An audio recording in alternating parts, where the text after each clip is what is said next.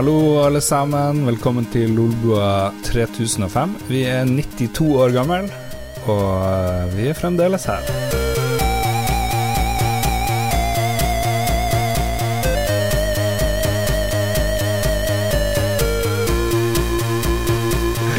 Velkommen til Lolbua episode 275. Pensjonist spesial eller gamling spesial.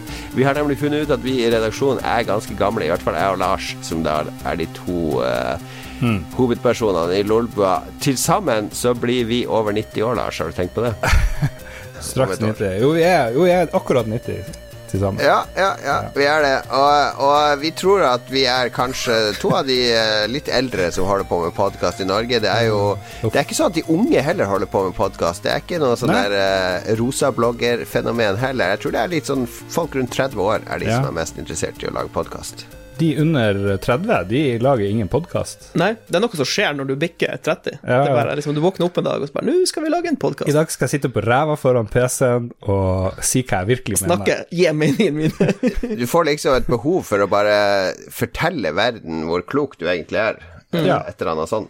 Men det Før det så har du bare behov for å fortelle verden hvor pen og vakker og kul du er, via bilder. Og så kommer behovet for å Det er fortsatt, det er fortsatt ganske populært.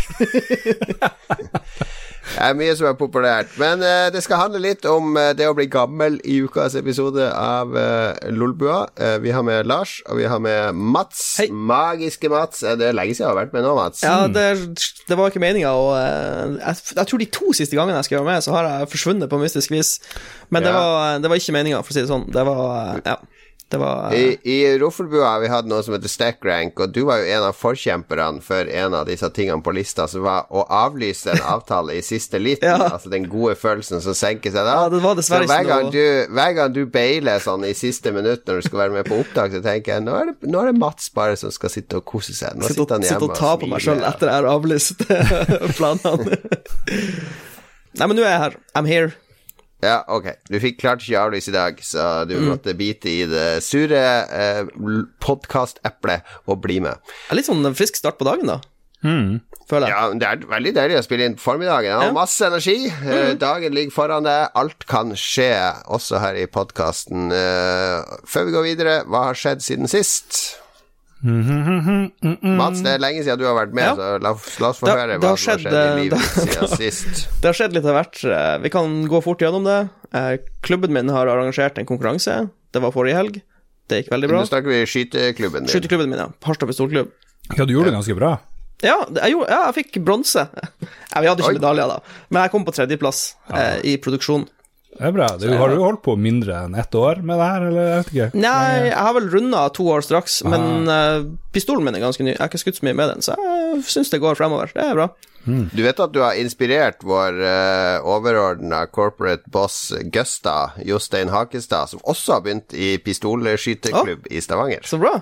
Konge. Jeg så Du er en trendsetter, Mats. Du er en- Stavanger, er en inspirasjonskilde. Du er en influencer. Ja, jeg så Stavanger. De hadde en stor gjeng eh, når, når jeg var på NM tidligere i år. Da var det en Ja. svær gjeng fra Stavanger der, så jeg tror de har et ganske aktivt miljø. Men Jostein Eh. han fikk bare Han har bare vært på én, han fortalte oss i denne interne chatten vår, og da fikk han bare skyte med luftpistol. Hva er det for noe greier? Å ja, jeg vet ikke Det kan hende det er nybegynneropplegget deres, at de begynner med luftpistoler, og så går de over på 22-kaliber, og så ja, jobber du deg opp i kaliber, sikkert.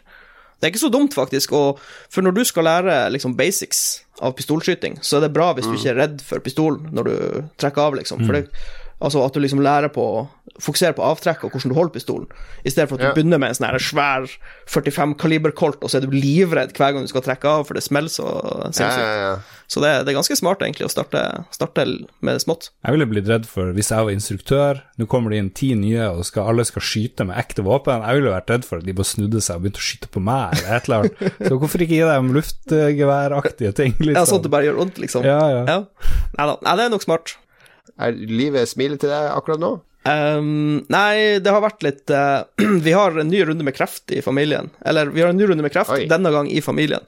Men jeg trenger ikke å uh, nevne enkeltpersoner, men uh, jeg håper at dette blir en kontrast til den forrige kreftsituasjonen vi hadde. Ja, men det må være litt slag i trynet, liksom, være ferdig med Ja, men det var så, det var så ekkelt, for det var liksom når det skjedde med kompisen vår, Jens Arthur, så var det akkurat liksom, Jeg kom hjem fra jobb, og så hadde vi en samling, og så fikk vi beskjeden, liksom. Og denne gangen jeg kom hjem fra jobb, så hadde vi en familiesamling, og så fikk jeg også en kreftbeskjed. Så det var sånn her Det har skjedd to friperioder på rad nå, så jeg håper, jeg håper ikke det er noe sånn eh, trend som, eh, som foregår. Nei, den eh, slår jo veldig tilfeldig ut, den kreften, så eh, vi får bare ønske lykke til med, Ja. med familiemedlemmer. Jeg har, jeg har trua på Vi har fått eh, veldig gode tilbakemeldinger fra legene, så jeg tror helsevesenet blir å kjøre på med det her. Det er bra. Det er jo også relatert til temaet alderdom denne gangen, for det er jo noe som kommer snikende på flere av oss når vi blir eldre. Denne idiotiske kreften, dessverre. Men mm. krysser fingrene, Mats. Ja. Jupp. Uh, Lars, Lars, Lars. Det er du som eh, kom, fant temaet for eh, denne episoden ved å se på din favoritt-reality i anførselstegn-serie Terrace Ja. House. Ja, jo, fordi Terrace House er tilbake. Det er jo den beste reality-serien ever. Ja, hva- Terrace House er seks japanske ungdommer som bor i et hus og er høflige Er de med fra. Japan? De er, Jeg trodde alltid det var Sør-Korea. Det er What? Det er Japan? Ja, det er jo Japan. okay, sorry. Herregud.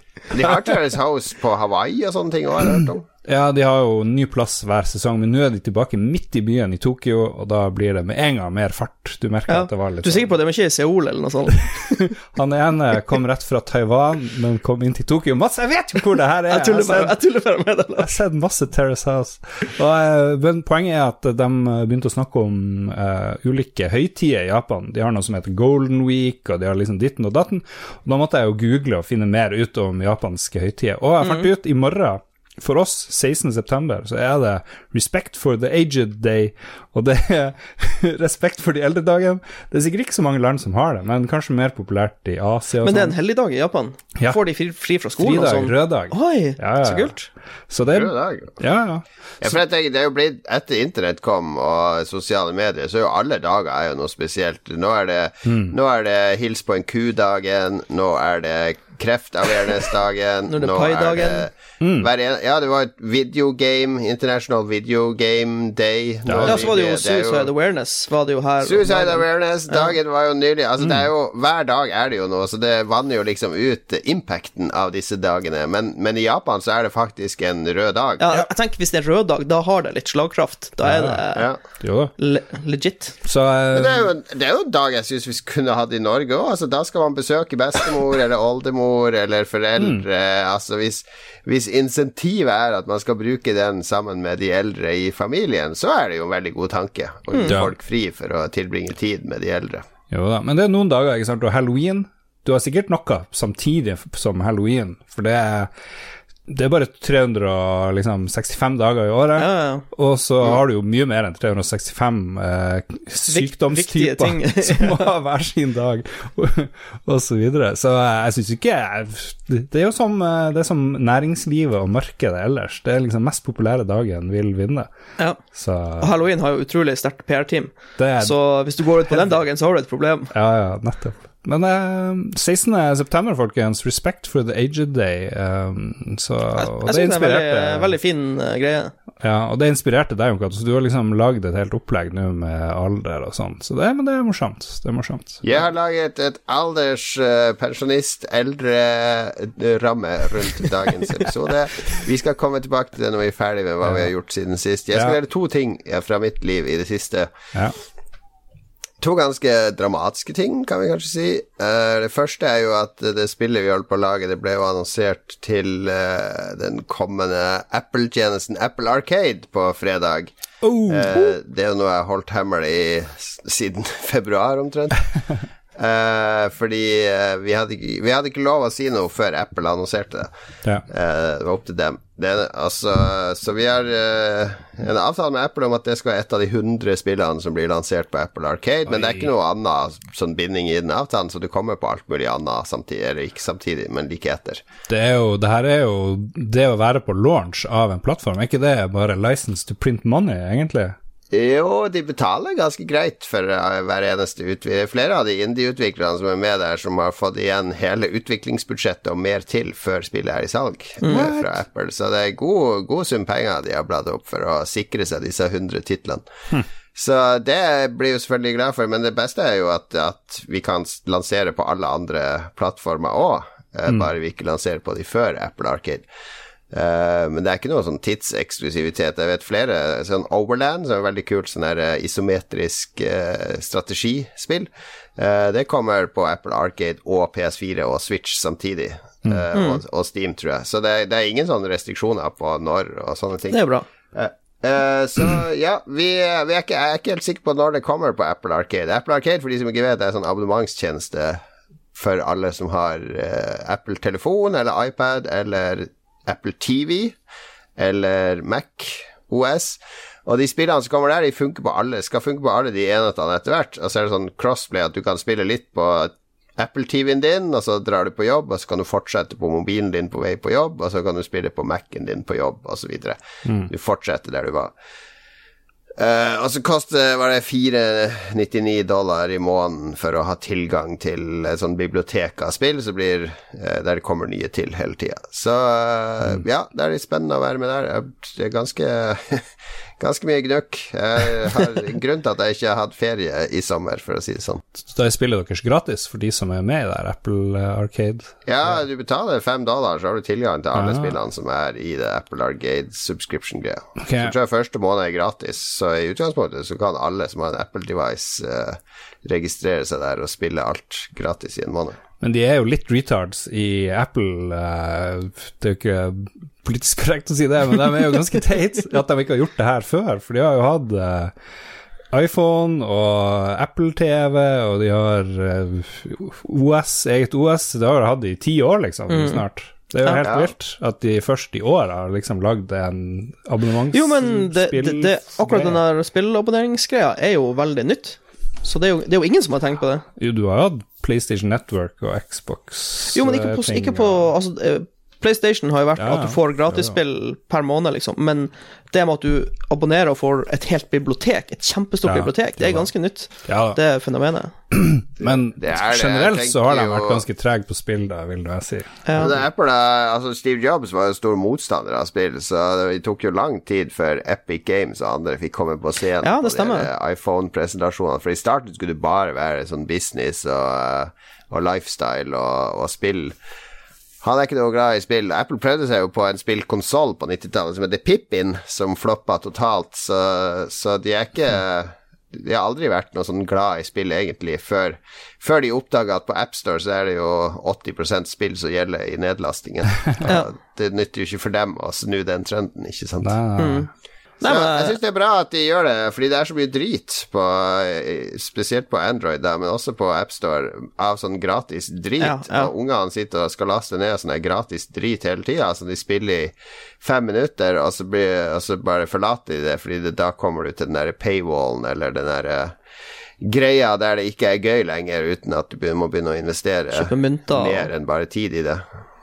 Nei, altså, jeg tror det kan være kult med en sånn curated spillopplevelse, på en måte. At du bare ja, det er mange kule spill som kommer òg der. Det kommer et spill fra de som lagde Octopath Traveler i Square Enix, og det er en god del kule indiespill. What the Golf kommer, som er verdens kuleste golfspill. Mm. Eh, det må spilles for å skjønne hva det er, men det er det motsatte av golf. Det andre jeg kan dele, er hakket mer dramatisk, fordi sykkelen min er Jeg flerra over slangen i forrige hjul, så jeg har ikke sykla på noen uker. Eh, for jeg har vært på Gamescom og vært veldig opptatt på jobb, så jeg har ikke fått fiksa den. Så endelig, på fredag, fikk jeg den opp til Oslo Sportslager. Fikk, eh, de satte på en ny slange og fiksa dekket og monterte det. Så jeg er superfornøyd. Så kjøpte jeg meg en sånn sprayboks med olje til kjea mm. og bremser og sånn. Eh, som jeg hang i en pose på rattet, skulle jeg bare sykle rett ned på jobb. Det er bare 400 meter. 300 meter.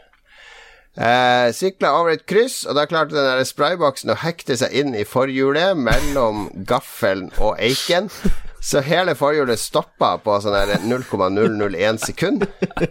Eh, og da flyr jo jeg framover for eh, ribb eh, Hva heter det? Ribbeina, brystkassa, rett i rattet. Oi. Og så tar jeg en salto over rattet med sykkelen etter meg, som, som også tar en kråke og lander på rygg i en sånn perfekt judorulle, da. Eh, Noe verker De få ganger jeg faller, så er det sånn instinktivt kommer den judorullen. og jeg spretter opp igjen, da, Fordi alltid når man faller i sånn offentligheten, så er det om å late som Nei, nei, nei, det er ingenting. Null stress. Selv om jeg akkurat har stupt salto over rattet. Og så får jeg ikke ut den sprayboksen, så det kommer en, en uh, fyr fra, fra en sånn ka kafé uh, Kaffebar rett attmed Eh, med en diger kniv og begynner å skjære over den boksen for meg. Da. Så det spruter olje utover alt i det, oppå fortauet der, og på klærne mine. Og Hannes han var jo veldig snill, da. Det var jo helt umulig å få løst den der sprayboksen. Du kunne jo båret den til jobb, du var jo 200 meter unna.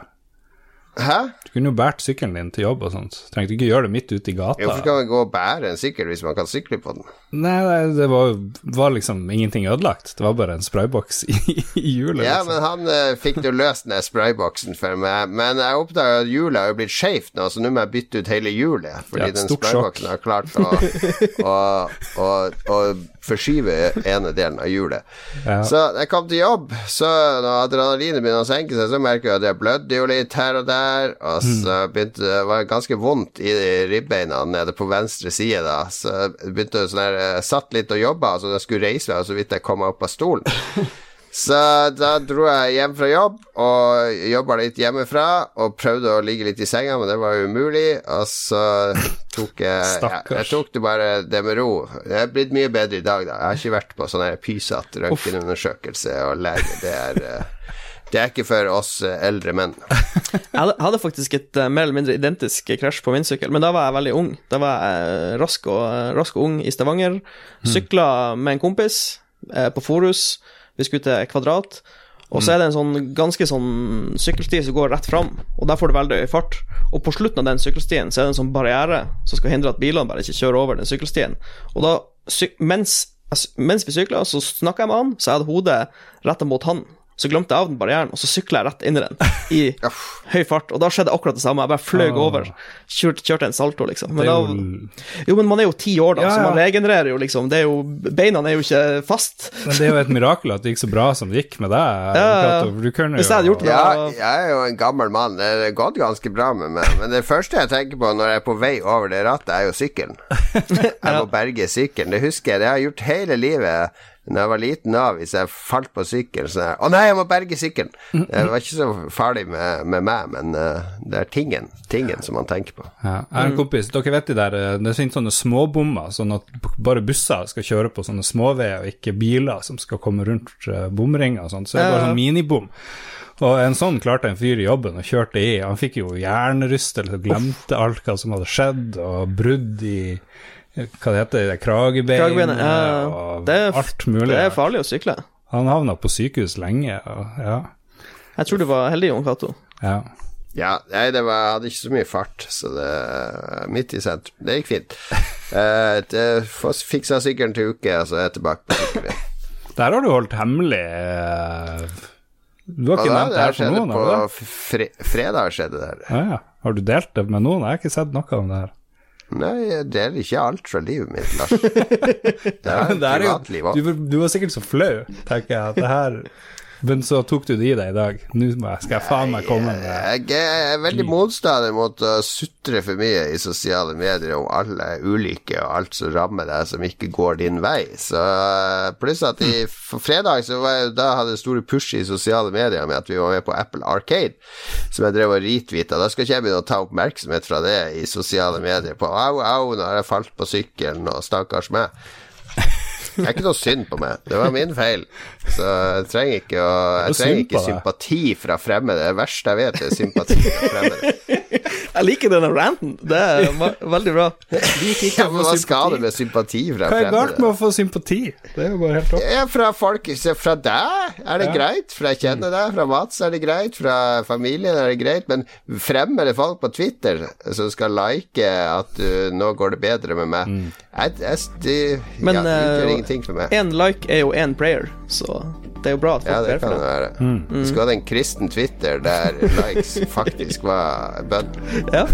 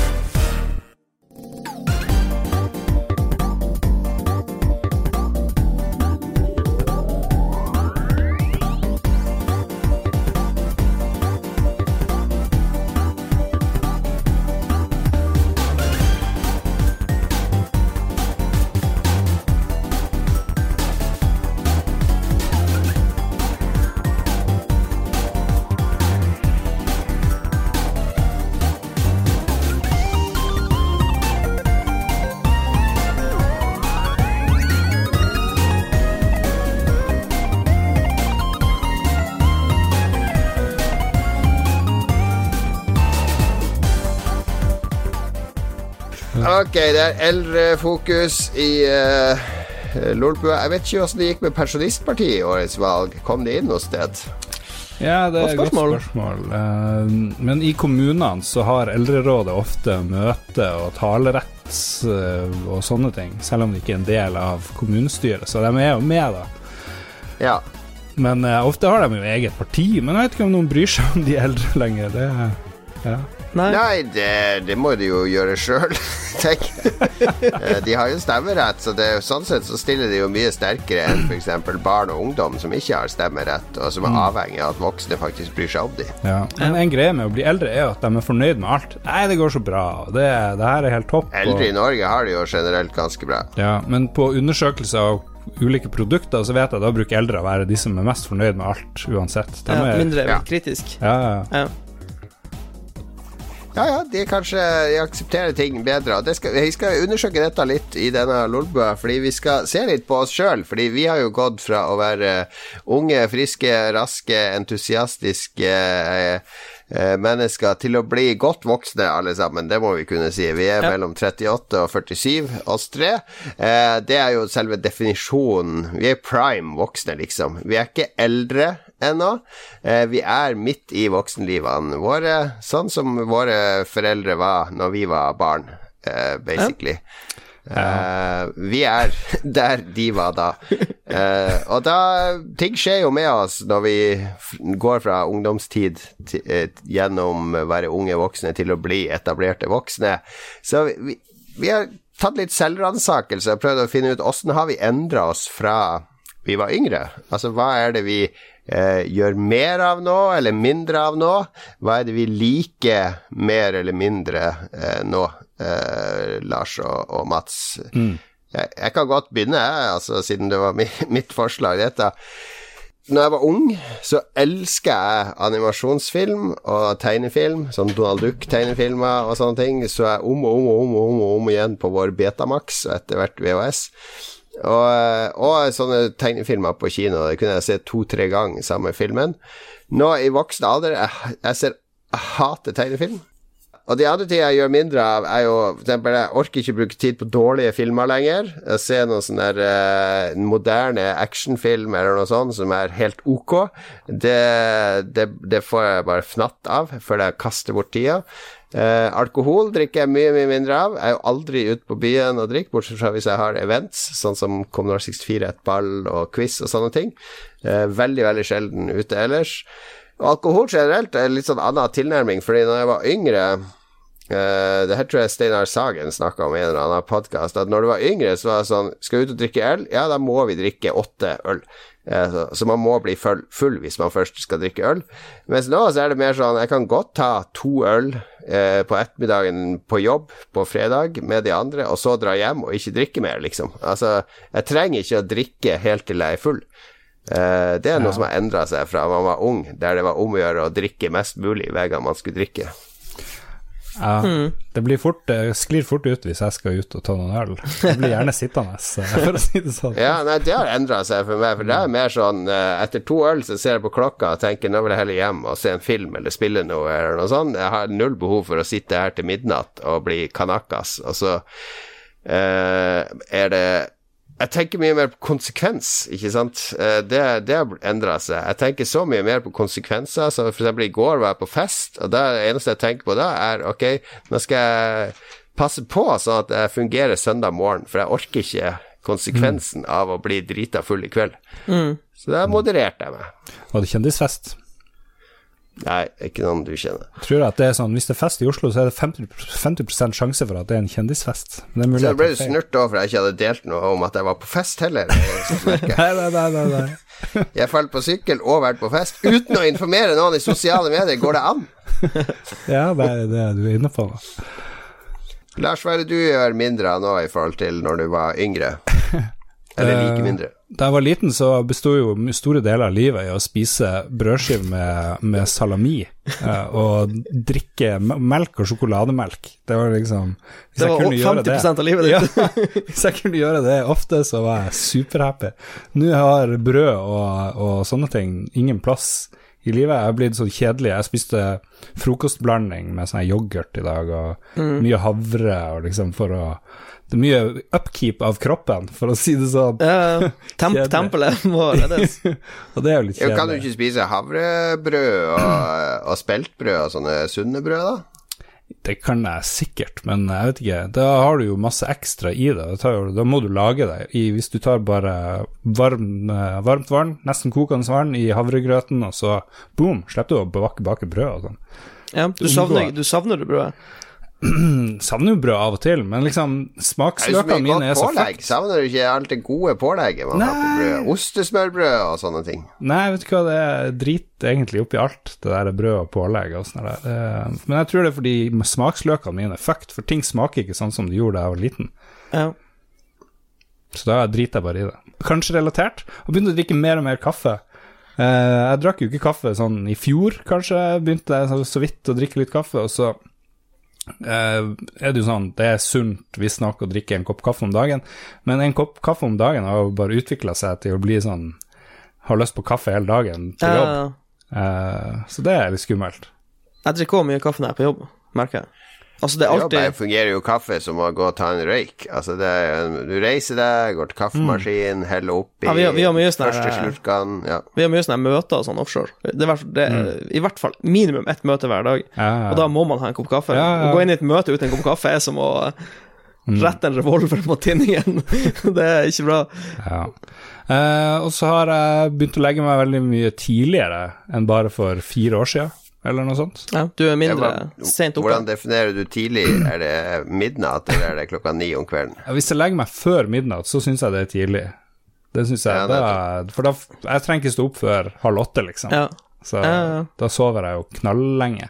Syv timer er mer enn nok. Eller var mer enn nok. Ja. Ja, Syv timer er ganske bra, da. Ja, ja. Det, er jo, det vil jeg si er oversnittet. Ja, vi kommer til det litt senere, for min del, eh, faktisk. Men ja, nei, men Ja. det er jo endringer i livet. Men er det dette endringer du føler du har valgt, eller blitt påtvunget? Altså at at det er kroppen din som sier ifra, så må du bare respondere, eller Mm. Ja. er det endringer du har valgt sjøl? Nei, det er kun kroppen. Jeg elsker jo å være oppe lenge, og sånn, men nå er det bare mm, smatt, smatt. Legger jeg meg og bare Men har ikke det, fordi jeg er jo også Akkurat det der deler jo jeg veldig. Jeg også liker jo å legge meg gjerne klokka 11 på fredager eller lørdager. For da står jeg opp klokka seks om morgenen, og da nyter jeg de morgentimene. Det har jo mye med at ah, da sover ungene fortsatt, og så er jeg ikke utslitt. Jeg er faktisk uthvilt og kan bruke energi på meg sjøl. Ja. Men du merker ikke den gleden av å stå opp tidlig hvis du legger deg tidlig og bare få mer ut av morgenen, og spille litt da, eller se en film Ja. da, og Jo, det, du er jo et forbilde der, sånn sett, men jeg, jeg er mer sånn her Jeg har ikke lyst til å gå på jobb, så jeg bare ligger utsetter det via søvn. Nei, jeg har jo lyst til å gå på jobb når jeg først er på jobb, men eh, liksom Jeg, jeg sliter med å møte dagen. Det er Ja, sånn grunnleggende, uansett hva jeg skal gjøre. Ja. Så ja, kanskje Du kan det, sikkert få legen din til å skrive ut litt amfetamin, eller noe sånt, sånn at du bare kan liksom få en litt uh, Ja, nei, det er jo ikke bra. Når jeg, hører, når jeg sier det her høyt, så høres det ikke bra ut. Mats, du er jo den yngste av oss. Hva, hvilke endringer føler du har kommet i ditt voksenliv? Uh, uten tvil, den største endringa er at uh, jeg drikker mye, mye mindre. For mm, Ja. når, når det var Er ikke det fordi du er på plattform eh, en tredjedel av livet Nei, men der hvis, du ikke hvis, du, drikke? hvis du ser på uh, friperiodene mine, liksom, så er det jo veldig lite Ja. fest nå, sammenligna med hvis vi spoler tilbake i 20-årene mine, når jeg bodde i Trondheim.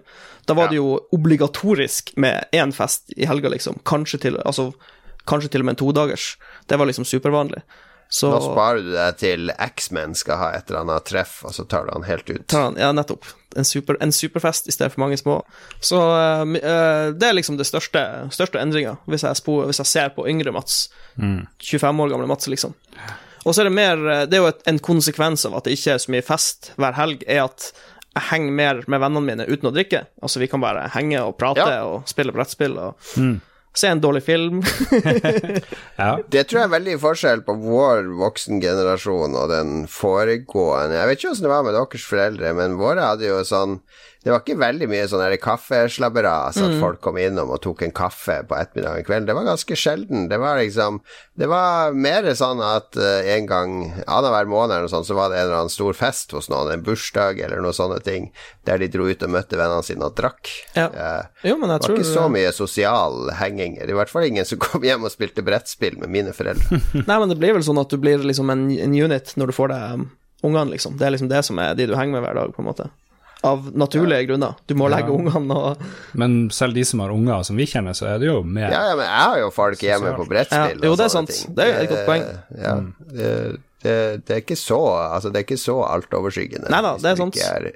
gjør, lar det bli, bli Nei, det. men det var sikkert noe Jeg vet ikke om det har noe med internett og kommunikasjon å gjøre. At det er lettere å liksom, For før så måtte du ringe hjem liksom, til folk for å eh, komme på besøk, eller høre om du kunne komme på besøk. Nå kan du bare sende en melding eller en snap, eller Det er litt lettere å nå, nå ut. Lettere å være mer søkende og Mm. åpne, åpne seg for sånt. Og før hadde de bare sjakk og ludo, så det var ikke noe gøy å komme og spille brettspill. Det blir jo mye bedre brettspill nå. Ja. Pensjonisttilværelsen er for meg er den vel 20 år unna. Det er litt rart å tenke på. Kanskje jeg, jeg Det er jo ganske mye, da, 20 år. Er 67. Dessverre. Vi må vel jobbe til vi er 80, vi. Jeg tror de blir å, just, de blir å justere opp Med der pensjonistalderen hele tida. Ja, ja, ja, i hvert fall hvis man stemmer, stemmer feil. Så, men nå er det ikke valg, vi skal ikke snakke mer om valg.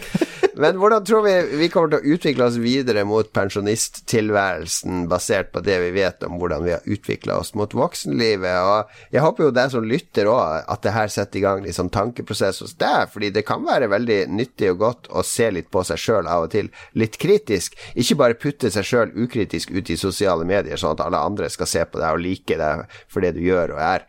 Men se litt på deg sjøl, og finne ut eh, hva, hvem er jeg egentlig. Jeg, Og jeg tror jo ja. Jeg frykter jo at jeg kommer til å sove bare fire timer om natta når jeg er over 60. Ja, ja. For jeg ser jo For ti år siden så sov jeg jo åtte timer om natta. Jeg mister sånn ca. seks-syv minutter hvert år av nattesøvn. For nå sover jeg nesten aldri mer enn seks timer eh, på en natt. Men hvis, hvis, du, hvis du er en plass for deg sjøl, liksom, hvis du er på jobbreise, sover du like lenge som du gjør hjemme da, eller sover du litt lenger? Jeg klarer ikke å sove mer enn seks timer Uansett. veldig sjelden. Hvis jeg har hatt veldig mange dårlige netter på rad, så hender det at jeg har en sånn kollapssøvn på cat- ni timer. Men det er veldig ja. sjelden. Det er maks én gang i måneden. Men ellers så sover jeg mellom fem og seks timer hver natt. Eh, fordi jeg våkner, jeg får ikke sove mer, rett Mm. og slett. Så jeg tror at hvis den trenden fortsetter, det blir verre og verre for hvert år, så klarer jeg neppe å sove mer enn tre og en halv, fire timer når jeg er pensjonist. Jeg så jeg blir nok en av de som sitter bak gardinen klokka halv fem om morgenen og kikker ut og venter på avisbudet. Ja, men jeg har en kar på jobben, han er 62. Han driver enorme problemer med å sove noe særlig i det hele tatt. Så Ja. Får ganske mye Altså, du har ganske mange timer å fylle døgnet med, da. Du kan gjøre Tenk mye aktiviteter du kan Ja, gjøre. det er jo også fordelen, eller det er Mm. også noe av det som er underliggende, tror jeg, at jeg gleder meg sånn til å stå opp og gjøre ting, for jeg har bøker jeg skal lese, jeg kanskje klarer å rekke å se en film før Mm. ungene står opp, og så videre. Så det er en sånn motivasjon for å stå opp, så jeg er ikke sånn misfornøyd med at jeg sover såpass lite. Men jeg tror jeg kommer til å bruke mye mindre tid på TV-serier. Eh, det- Nå egentlig ser jeg ikke TV-serier lenger, for akkurat nå er det absolutt ingen TV-serier som interesserer meg. Eh, Hver gang jeg ser ny TV-serie eller en reklame for en, så Du har jo sett den der Dark Crystal, har du ikke det? Ny serie. ja, Ungene driver og ser den. Jeg så bare første episoden med de. Nå har de sett to episoder uten meg, så det holder. Jeg. Da kan de fortelle hva som skjer. Jeg har ikke noe behov for å se det sjøl. Men du tror ikke du blir å se sånne her limited run-greier, sånn som Chernobyl og The Boys? Og, Ja, eller- hvis det er så fokusert, så blir det mer som en film. Men jeg Ja, ser jo. Jeg ser veldig mye film nå. Den siste filmen jeg så, var en den som vant Oscar i 1976, som er en dokumentar om gruvearbeidere i USA som streiker. Mm. Ja. så eh, det koser jeg meg med. Men en TV-serie sånn som det Apple-TV-serietjenesten og alt som kommer nå framover, det er veldig lite som fenger meg. Witcher orker jeg spiller heller spillet. Hvorfor skal jeg se en TV-serie basert på et genialt spill når jeg har spillet som jeg ennå ikke er ferdig med? Kanskje fordi den er veldig bra. Ja. Kanskje han eh, Henry Cavill gjør en bra eh, Ja. Geralt? Ja, men er den bedre enn et av verdens beste spill? ja, Men det er jo to forskjellige ting. Det er to, det er to forskjellige Ja, format. nei, hvis du, hvis du kun kan gjøre en av de tingene, Hva ville du gjort da? Ville du heller Da jeg- sittet på ræva og sett en dårlig TV-serie med Supermann som prøver å være uh, Geralt, eller ville du spilt Jeg spillet? jeg ville spilt spillet hvis jeg måtte velge, selvfølgelig. Det er jo et falskt valg. Det er ingen som er tvinger deg til det. Det, har, det er totalt irrelevant. Eh, Men ok, skal vi gå videre? La oss ikke La oss ikke dvele. Ja, ja, ja. Jeg tror jeg kommer aldri til å være på fest. Jeg merker allerede nå at jeg er veldig litt frista til å dra på fest i fremtida. Og så kommer jeg til å lese mye mer bøker, håper jeg, når jeg er eldre. Enda mer enn jeg gjør nå. Men det, det vi, en ting må, vi må ha i bakhodet her, er at tenk hvis det, ting blir legalisert, altså eh, narkotiske stoffer blir legalisert i fremtida. Det må vi tenke på. Kanskje masse greier er lovt når vi er pensjonister, og da Oh. tror jeg vi kan ha noen drug parties. For da bryr du deg ikke så mye om konsekvensene, hvis du er 70, liksom. Jo, du blir jo Skal jeg miste mer- jobben min, liksom? Ja, men folk blir jo mer engstelige og redd. Jeg driver jo, er, de ikke det? Eldre folk Å, nei, jeg vet ikke om jeg skal gå ut, det er så glatt, ikke sant. Det, det blir sånn Ja. der. Jo, men jeg tenker dette kan du gjøre hjemme i trygge rammer, liksom. Masse drugs? Ja. Ja. Nei, men jeg liker spådommen. Jeg bare, liksom, vi må, vi må ha det i bakhodet. Ja. Mm.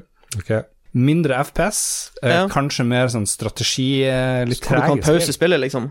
Pause, og MMO høres kanskje greit ut, kanskje litt stress det òg, jeg vet ikke. Ja. Men jeg tenker, det må jo sikkert være smart å liksom Å fort, fortsette å spille spillene som krever at du tenker Altså at du tar en avgjørelse på et sekund, at du ikke har så god tid å tenke deg, for da kan du holde Ja. noe ved like, kanskje. Jeg vil tro at når du er pensjonist, så har du mista litt reaksjoner, sikkert. Det kan sikkert en lege svare på, men jeg tror ikke det Det har du nok helt sikkert, ja. Mats. Men jeg tror, jeg tror det kan være bra å, eh, å holde ved like, da. Ja. Ja det tror jeg. Eh, Jeg håper jo at eh, om 30 år, når Mats er pensjonist, så har eh, teknologien går jo videre, håper vi da, at det ikke blir noe sånn her kollaps. Ja, du Ja, mye Ja. av din fritid går til å forberede seg til Ja. apokalypsen. Men hvis vi, la oss si at samfunnet fortsetter å tikke og går, Mm. så vil jo sannsynligvis virtual reality-teknologien være hyperavansert. Jeg håper jo at på et tidspunkt får vi sånne, en sånn datajack i nakken, sånn at i stedet for at du har en skjerm og mus og tastatur, så bare kobler du en, eh, en kabel inn i nakken, og så er du inne i PC-en. Ja. You're manned. Jeg tenker at hvis det er masse Og da, og da blir ikke du begrensa av din fysiske kropp, din gamle fysiske kropp, ikke sant? Det er bare hjernen som er, Mm. som er din fysiske kropp, da. På gamlehjem og sånn, så er det noen sykinger som prøver som liker å drepe de eldre. Du har sånn Ja. uh, Angel of Death-syndrom. ja, det, å, ja, det stemmer, det. Det og hvis du da har masse eldre som bare sitter i sånn uh, cybra inn, Det gjør det veldig lett.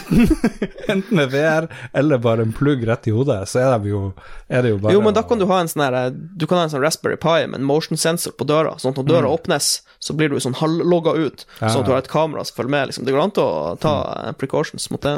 Jeg syns vi har plottet til en, uh, En film? Ja, dette er jo, dette er jo en Dark Mirror-episode. Ja. En Black Mirror. god idé. Nei, men min, min eh, pensjonistspalte er basically bare The Matrix. Det har jeg skrevet. Du satser på, Satser hardt på det. på å sitte og ete biff i The Matrix. Ja, liksom, nettopp. Og bare nyte, nyte det. Ja, ja, ja. Ja. Enn du, da? Mer sånn her uh, dagens tech-fremtid, så er det mye Dagsrevyen. Altså, du ser på det pensjonistene gjør i dag. Ja, det kommer du til å gjøre. Men jeg så vi satt og skulle ete noe sweet eh, mat, som jeg skal komme til senere, Ja. Eh, og, og da heiv du på lineær TV. Og Ja. det, er jo, Ja. det er veldig sjelden vi gjør. Stemmer Men når du et, så er det, det, det er greit. Og vi endte opp på Dagsrevyen, Lørdagsrevyen. Lørdagsrevyen, Mye koselige reportasjer ja. om ditt og datt. Det er jo sånn En sånn eh, liten brusfabrikk eh, på Østlandet en plass. Ja, ja. Satt vi og diskuterte brusfabrikken Ja, Roma, var det? Roma, stemmer det. Det var en koselig reportasje. det? Jeg tror det er et uh, tegn på at vi begynner å bli gamle, Ja. muligens. Så jeg tror det blir mye da. Men det er jo litt- Det er jo ikke den verste tilværelsen, da. Nei, nei. Å bare liksom uh, chill, chille og Ja. se på Dagsrevyen. Og så tror jeg det blir en del kafé. Ja. Eh, har ikke noe Har altfor mye fritid. Men husk at det er veldig hardt på økonomien å Ja, gå på kafé hver dag. Ja, men jeg tror de eldre de prioriterer kafé nesten øverst. Ok, Det er strøm, mat, kafé, kafé, ja. barnebarn og sånt. Og så er kommer liksom- gaver, gaver og sånt til Ja. familien etterpå. Ja. Ja. Så jeg tror det blir det. Det blir mye wienerbrød, eh, snitter, sånne kjipe brødskiver med sånn pålegg. Å, du går tilbake til brødet. Du går full circle når du er pensjonist. Da blir det masse brød. Ja. Nei, Ja. men eh, jeg liker, jeg liker det. Jeg liker at liksom vi har forskjell... Du har liksom Du har mer en sånn realistisk eh, nåtidens Mm. pensjonist, mens jeg, jeg satser vilt på, eh, Ja. på teknologien. ja. Ja. vår venn som eh, kreftdøde brutalt, han satte jo sin lit Ja. før han ble syk, så han bare eh, det går sikkert bra, et Ja, future tech skal redde meg og min kropp, Ja. eh, og så. Så skjedde det litt for brått. Dessverre. Ja. Men jeg lurer på når vi kan bare hive inn i piller og så leve vi forever. Kanskje vi slipper å bli gammel? Tror du det? Det tror jeg er ekstremt urealistisk. Ja, det? For, eh, for, for um, du må tenke på hvem er det som kommer til å lage den eh, vidundermedisinen som skal eh. Kanskje, kanskje hvis, eh, hvis det er en sånn abonneringstjeneste hvor du må ta det en gang i måneden, så kommer det til å komme. Uh. Men sånn, sånn one-off-greier, det kommer aldri til å skje. Men jeg tror på en sånn, en sånn abonnenttjeneste. Oh. Fantastisk. hvor han liksom mister effekten eh, hver måned, så må du gå tilbake, og så blir det sånn her krig, og folk dreper for å få den medisinen. Og, Jon velkommen tilbake. Mats har nå sett fremtidas helseteknologi. Det er du må abonnere på Apple medisiner. Arcade, bare at du får medisin på sånn abonnementsløsning for at du skal være frisk. dumt. Det er ikke Ja. Du vil, du vil at kundene skal komme tilbake, ikke sant? Den andre Black Mirror-episoden Ja, vi har hatt to? Black Mirror-episoder. Mer eller mindre. Eh,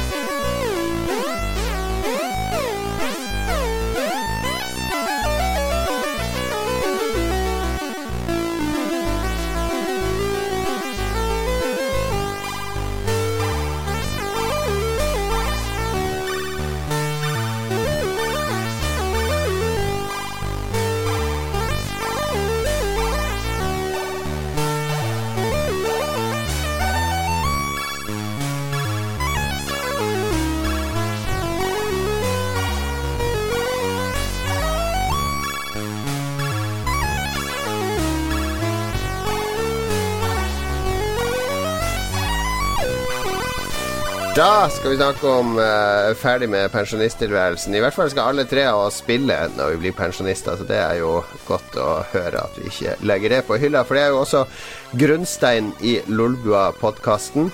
Og vi må jo innom hva vi har spilt i det siste. Og hvis jeg hører ett ord til mer om Skyrim nå, så blir det Spyrim eller Spyrim. Eh, Lars, Ja. hva, er du, sitter du fortsatt og gnukker i det gamle, råtne Betesta-spillet? Jeg gjør det, men nå fikk jeg streng beskjed fra deg. Noe, annet i tillegg, så jeg har fyrt opp Borderlands 3. Whoop, whoop. Oi, oi, Ja, ja, ja. oi, det er helt nye spillet, ja. Når jeg kom inn døra, så satt han Lars og spilte Borderlands 3. Yes. Hva jeg gjorde for noe? Satt han bare og klagde sikkert? Nei, han satt og- eh, satt og- eh, Han satt og analyserte håndgranater for å finne ut eh, hvordan som var best. Ja, det irriterer meg litt, men eh, la oss nå ta det positive først. Hvis du elsker Borderlands, så vil du elske Borderlands 3. Ja, for det er mer av det samme. Det er, det er mer av det samme, og det, det er godt skrevet. Jeg, Ja. liksom, jeg forberedte meg til å bli skikkelig skuffa av Borderlands 3, for du har hørt mye om han der gale Randy Pitchford som leder Ja, ja. selskapet. Han er pedofil, behandler sine ansatte dårlig, ikke sant. Det er mye rykter og mye bare, han er ikke dømt for pedofili, Nei, nei. sånt, men det er mye surr og rykter Ja, og det det sånn økonomisk utroskap og sånne ting som uh, svirrer rundt han. Ja. Altså, er internett er veldig misfornøyd med han. Ja, ja. Og så etter at spillet kom, så hørte jeg at det er janky FPS, det er janky frames, det er ting som ikke er bra. Men så bare fyrte jeg opp, og jeg er superfornøyd. Eh, Det er helt topp. eh, Topp Borderlands. Du har spilt det alene eller i gruppe? Er ikke det her noe som du har planlagt å spille sammen med andre i redaksjonen? Katarina hun har jo tatt, til og med tatt ferie neste uke for å spille Ja, da, det er jo bare å starte opp en ny fyr. Det er jo masse forskjellige characters. Ja, nei, hun er selvfølgelig borte på jobb nå, og, Ja. hun lider hardt. Og, men eh, Ståle og Katarina og meg, og så har vi jo plass til en til, tror jeg. Jeg tror det kan være fire. Så skal vi mose på og spille masse Borderlands 3, og det ser veldig bra ut. Eh, Det er, Ja. det er helt likt. Ja. Du må bare gjøre masse missions, og det er masse morsomme Er figurer. det sånn, fordi dere skal spille på PlayStation 4, er det sånn at du vil gjerne eh, ta imot en lytter hvis det er noen som melder seg og har lyst til å spille med dere tre? Ja, selvfølgelig. Vi, eh, vi kan jo spille med Patrions, eksempel. Vi kan spille med Ja. lytter. Det, det kan vi gjøre. Um, Hvis Ja, hvis dere er hypp på å spille Borderlands med Lars og co., så er det bare å se etter dem på PlayStation. Yes. Dere begynner vel ikke før ut i neste uke engang? Jeg uh, tipper vi begynner på tirsdag, tror jeg vi begynner. For da tror jeg Katarina er hjemme og sånt. Så da slår vi oss i hop. Tirsdag kveld Det er liksom brak, det løs. Det Det er jo det er episoden ute, så hvis du hører på podkasten, så er det bare eh, å slenge seg med hvis det er plass på laget. Yeah. Uh, det er fire helt nye klasser, virker det på meg. Jeg valgte en, Ja, jeg tror alle klassene er helt nye. jeg valgte en kar som heter Sane. Uh, Så han, Infiltrator, det tror jeg rollen hans er. han, han er veldig basert på tech og gadgets og Ja. ting, så han kan til, Vanligvis så har du en ability og en granat. Nå kan du bytte ut granaten med en second ability. Mm. Så jeg har nå drone som jeg kan utvikle masse, og jeg har en eh, Et hologram. hologram som kan skyte og bli fysisk. Og når du springer bort, så kan du teleportere og bli hologrammet, og eh, kan- hologrammet blir der du, Du kan, bytte, du kan bytte plass med hologrammet, så du kan bruke det som en slags teleport. Veldig strategisk Mm. eh, karakter, så jeg valgte den. Og syns jeg er veldig fornøyd. Syns det er gøy.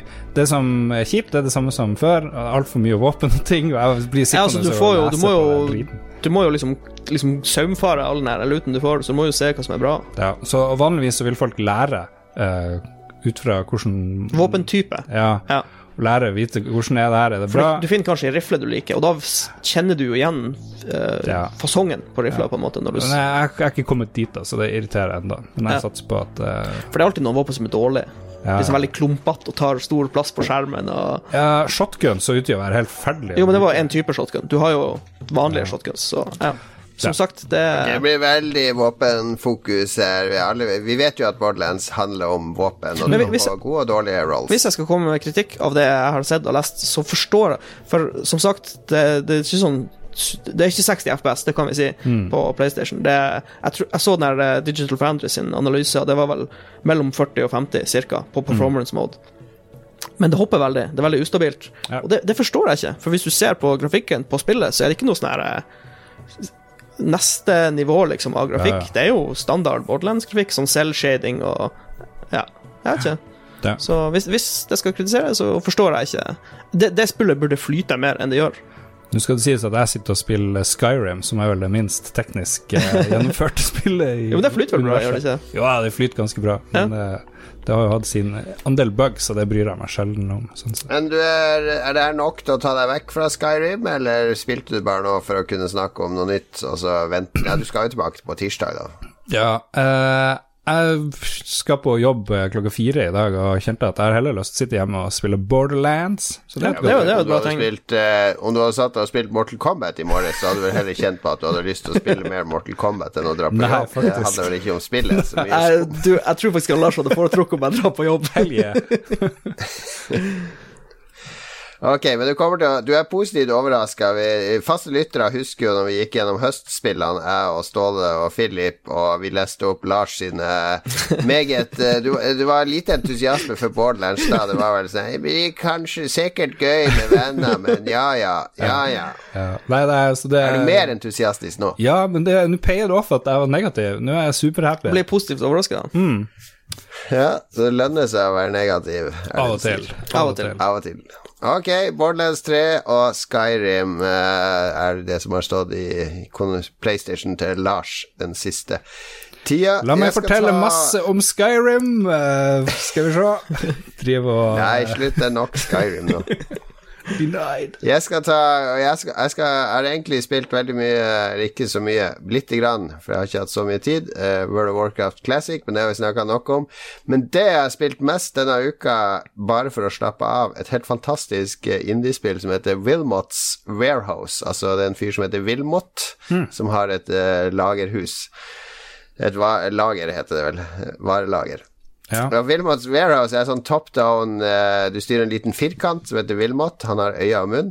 Og han kan gå inn til andre firkanter som er varer, så plukker de opp. Så du kan eh, plukke opp seks sånne varer, og så dra de med deg og flytte på de. Sette de fra deg, sortere de varene i forskjellige kategorier. Og det som er litt vanskelig her, er at alle varer har bare et symbol på seg, som kan være ganske abstrakt. Det kan være en runding, eller det kan være at det ligner på en kanon, eller at det ligner på et vulkanutbrudd, eller at det ser ut som eh, et hjerte. Det kan være et hjerte som er delt i to farger, osv. Så er det opp til deg hvordan du skal kategorisere og sortere varene i lageret ditt. For når du begynner, så har du vel bare en 20-30 forskjellige varer, så det er ganske lett å sortere. Men utover i spillet så kommer du til å få jeg tror det er 500 forskjellige varer. Så du får nye varetyper hele tida som må sorteres inn i dine eksisterende kategorier, så må du begynne å lage nye kategorier. Og ingen to lager ser like ut, fordi spillet forteller deg ikke hvor ting skal sorteres og lagres, eller hvordan. Det er helt opp til deg åssen du sorterer ting på dette rutenettet som er lageret ditt. Fordi, og du har titt, titt tidsfrist på det. Altså Varer kommer, så har du tre minutter på å sortere. Da tømmer lastebilen masse varer hulter til bulter inn på lageret ditt. Så må du gå og plukke opp, stresse. Ok, jeg drar disse ti varene med meg opp her. Slipper de, begynner å grovsortere de, forte deg ned, hente flere varer, fordi når de minuttene har gått ut, så står det noen kunder øverst og sier jeg skal ha tre sånne gule stjerner, eh, fire malingkoster, tre fløyter osv. Da må du vite hvor disse varene er på lageret ditt, så at du raskest mulig kan hente de, fordi hvis du er rask, så får du stjerne, og stjernen da kan du kjøpe deg oppgraderinger så du kan bære flere varer, eller dashe, eller rotere varer osv. Eh, oppgraderinger som gjør deg mer effektiv i lagerjobben din. Så det er lagerkonsulentspill eh, der du skal eh, organisere og, styre et lager som blir større og større og større. Og det, det er utrolig fascinerende. Da. Det er veldig smooth å spille, veldig god kontroll. Mm. Du har alltid full kontroll på ting du gjør, og så har du en sånn rolig periode etter to-tre sånne eh, bestillinger og påfyll av nye varer. Så kommer det en sånn rolig periode der du har uendelig med tid til å organisere lageret ditt og rydde i rot. Og den perioden der, den rolige musikken som er da, det er sånn ren meditasjon. Altså, da går jeg over hele lageret som er hm, Kanskje jeg skal gjøre det sånn her. Altså begynne å flytte på ting, begynne å stable de annerledes. Eh, sånn at når du er ferdig med den chill-perioden, så har du verdens mest perfekte lager, helt til det begynner å renne inn nye varer. Og du bare 'Å nei, nei, nå er det ikke plass der'. Å, du vet hvorfor du liker det spillet egentlig, da? Hæ? Du vet hvorfor du egentlig liker det her spillet. Hva heter ditt mest brukte nikk på nettet rundt omkring? Fleksnes, han er jo lagerkonsulent, jeg har jo tenkt på det, da. ja. Men det er, det er, mange lag på dette spillet her, fordi jeg leste en lang analyse av det på Rock Paper Shotgun, det, der de drar inn Wittgenstein og, og, andre filosofer. For det er en som mener, eller han som skrev det, mener jo at dette spillet til syvende og sist handler om språk. Fordi alle varene du får, er, er, symboler på ting som du må organisere i en slags uh, grammatikk. Altså, du må lage regler for hvor, hvordan disse varene, eller disse symbolene, skal henge sammen med hverandre. Og oppi hjernen min, selv om det største lageret Jeg har spilt det både på Steam og Switch. Det største lageret mitt har vel nærmere 200 varer, tror jeg. Oppi hjernen min nå, hvis jeg tenker på det lageret, så vet jeg sånn cirka hvor alle tingene er. Altså, det er 200 symboler som jeg har plassert rundt i et rom, der jeg har relativt god kontroll på hvor de er i forhold til hverandre. Som jeg, som jeg syns er ganske fascinerende. Fordi hvis du tenker over det, så det, det høres ut som Nei, nei, jeg viste det til kona mi, hun bare Her blir jo bare rot. Eh, her kommer jeg aldri til å klare å spille. Så mm. mye ting og tang.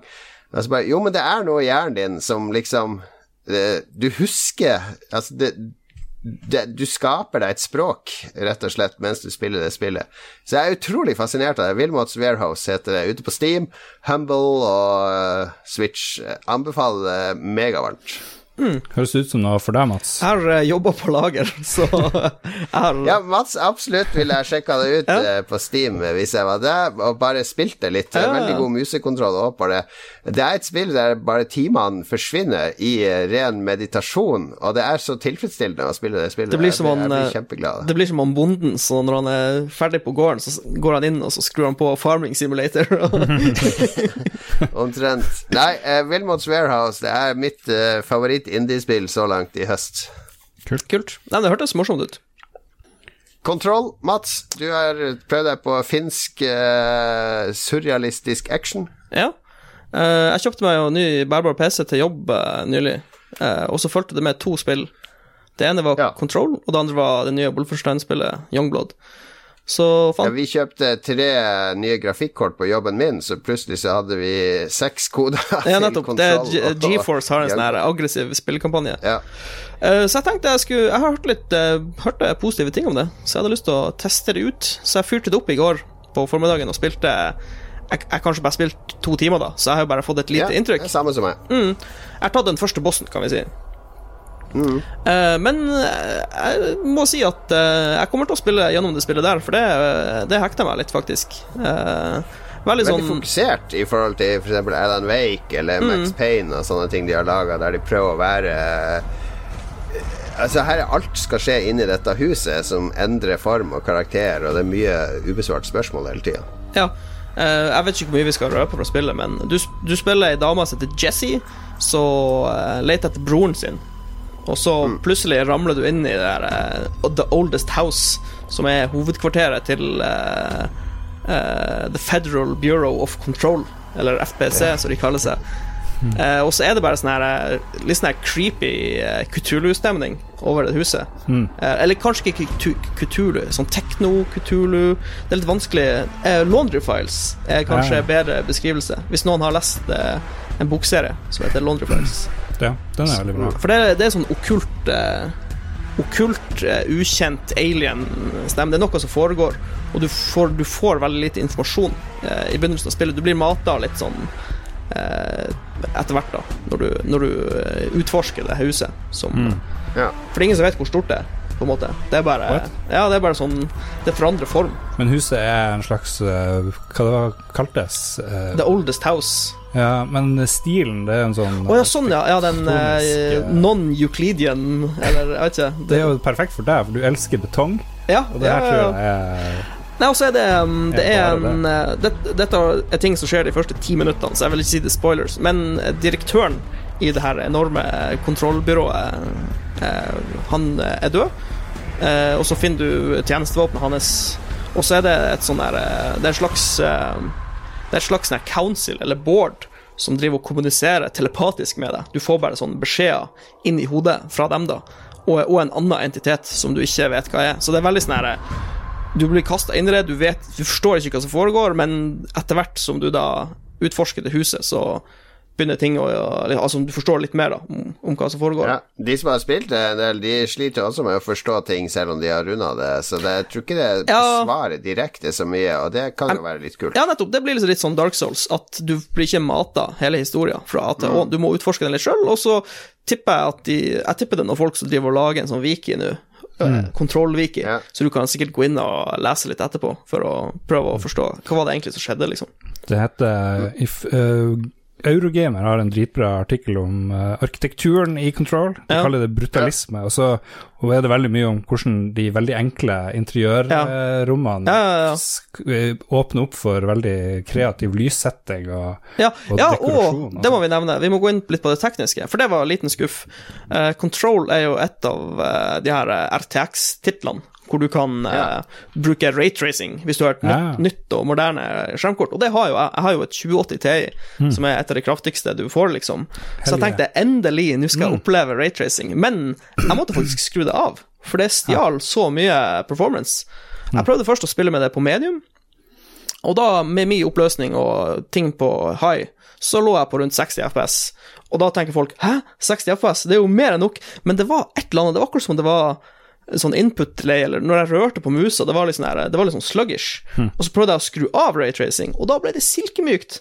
Da var det 110 FPS, og det var responsivt, og det var, det var, det var så stor forskjell at jeg måtte faktisk skru det av. Jeg Jeg har kunne ikke ikke sett raytracing på ordentlig ennå. så- Eh, Det er Men, eh, men det, ja, det kjører, jeg har også kjørt det med RTX på, og det er jo litt lavere framerate. Jeg syns ikke det går så sluggish. Nei, men det er sikkert bare jeg som er så ømfintlig for sånn her eh, Ja, men, eh, det, men også Det som du er, er jo at det ser ganske mye bedre ut Ja. med raytracing Ja. på enn f.eks. Battlefield og sånne spill. Der er det ikke noe poeng i å ha det, Ja, det- på. det virker så- og Jeg ser noen flammer i den bildøra. Det virker som når de har, når de har designa sånn, lagd materialer og sånn til veggene, og for det er veldig mye sånn marmor, sånn eh, polert marmor, og, Mm. og det, da får du fram de her raytracing-effektene, de her fine refleksjonene, og alt ser bare veldig Ja, bra ut. det, det ser veldig smashing ut, selv om eh, PC Master Race-eliten nok jeg, jeg vil slå det av for å få enda bedre Ja, flyt. men for å si eh, Grunnen til at jeg var skuffa, var at jeg trodde ikke at raytracing skulle stjele så mye performance. Fordi hele poenget med de nye skjermkortene, som har en sånn tensor core, er at den skal, den skal gjøre tungarbeidet for raytracing. Så jeg trodde at du kom til å miste bare bitte litt. Men å gå fra 100 til 60 frames, det er ganske stor prosentmessig nedgang, liksom. Du, jeg skal jo sikte på fiender og skyte dem, og for meg så må jeg ha Jeg må ha mange FPS, for det er jeg vant til. Jeg er vant til å spille skytespill med masse FPS. ja, ja. Det er jo ikke online, så Nei. sånn sett så burde det ikke ha så mye. sier Så at- Hvor går grensa her? Altså, hvis du tar det på low, kanskje du får det opp på 165 FPS. Ja. Altså, hva er uh. Hvorfor gjør du ikke det, da? Hvis Nei, men det- eh, ok, er jeg kan, jeg kan si at smerteterskelen er rundt 100 FPS i et skytespill for meg, faktisk. Og særlig under det så syns jeg det er ekkelt å spille. Ligner det noe særlig på Half-Life, for eksempel? Det her, er det en sånn eventyr, first person Half-Life er ikke en uh, dårlig, dårlig sammenligning, faktisk. Eh, og den andre tingen som veldig Som Remedy er veldig flink på, er i skytespill så de får det til å føles ekte når du skyter. Eh, du, hvis jeg, eh, hvis jeg eh, har en shootout med en dude, og så er det masse sånne her betongkolonne og kanskje litt sånne her kontormøbler og sånn, og når vi skyter på hverandre og bommer, og vi skyter gjennom ting, ting eksploderer, det er røyk, det er sånn debris som flyr rundt det, føl, det er litt sånn her visceralt. Det, du, du har følelsen av at du faktisk er i en shootout i et kontorbygg. Du har må- fått uh, skryt sånn grafisk opp på konsoll, så er mulig Ja. jeg må teste. Ja, nei, men jeg er veldig, veldig imponert av at Lille spilte. Jeg fikk veldig lyst til å spille mer. Bra. Kontroll, altså. Skyrim som vanlig. WoW Classic har vi jo også spilt. Og Borderlands 3 er mye nye spill. Og ikke minst Wilmots Warehouse. Vi, eh, vi spiller i Lolbua, og vi formidler våre inntrykk.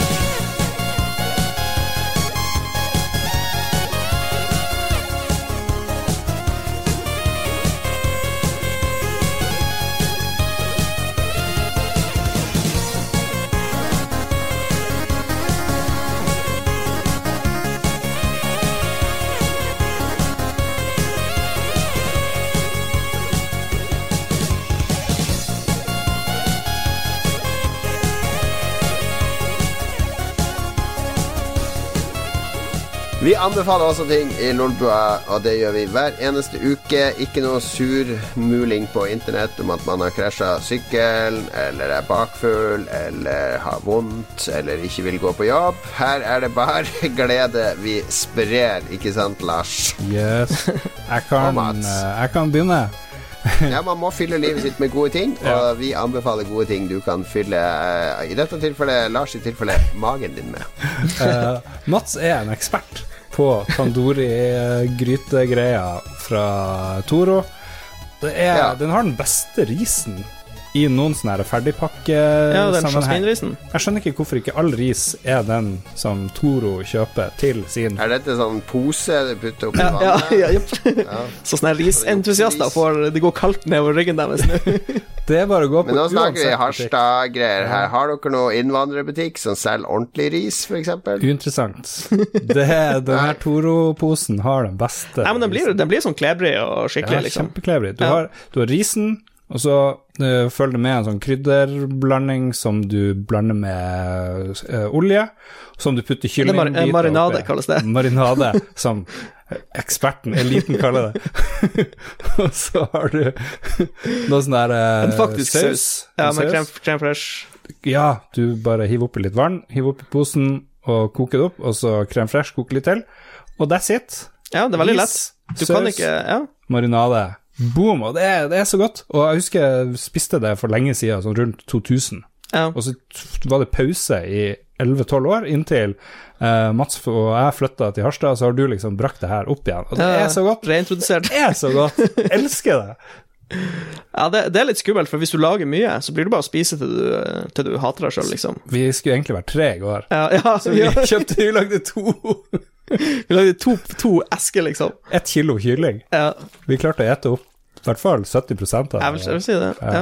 Så vi gjorde en ganske bra Og innsats. Så, men anbefalinga di er en tandori-risen, rett og slett? Nei, hele pakken. hele, hele, hele Ja. greia. Ja. Okay. Så tandori Heter det, Hva heter det? Tandori kylling? Tandori. Heter fra det Toro. tandori? Men har dere prøvd å lage det fra scratch? Nei, det er jo ikke noe vits. Nei, Så for det, det er jo en relativt stor sannsynlighet for at det blir enda bedre hvis du Nei, lager det, det, eh, det, det, kan, det kan sikkert bli mye bedre hvis du lager fra scratch, men problemet er at det blir annerledes. Dette er som en, den norske fredagstacoen. Ja. Hvis vi drar til Mexico og spiser taco der, så er det sånn Eh, det var helt ok, men det smaker ikke sånn som den tacoen vi har vokst opp på. Nei. Så det blir, vi, har, vi har malt oss inn i et uh, problematisk hjørne, rett og slett. Ja. Jeg ser folk i, eh, i streamen er bare Toro, prikk, prikk, prikk. Så det er ikke, det er ikke full jubel for eh, forslaget om ferdigmat her. Men uh, ferdigmat er greit Men det er lettvint, da. Jeg, føler, jeg føler at eh, eh, for tida du legger inn i det, med tanke på at du går såpass fort og det er så lettvint, så er det veldig bra reward. Men det tar jo en stund. Risen koker 16 minutter. Det tar, det tar ikke lang tid, Lars. det tar ikke lang tid. Ok, Tandori fra Toro, altså, er Lars sin anbefaling. Det er helt uh, greit, det. Uh, hvis du har en oppskrift på tandori-kylling som kan lages fra scratch, så del den gjerne med oss, så kan Ja. Mats og Lars Ja. kanskje prøve seg på Ja, den en helg.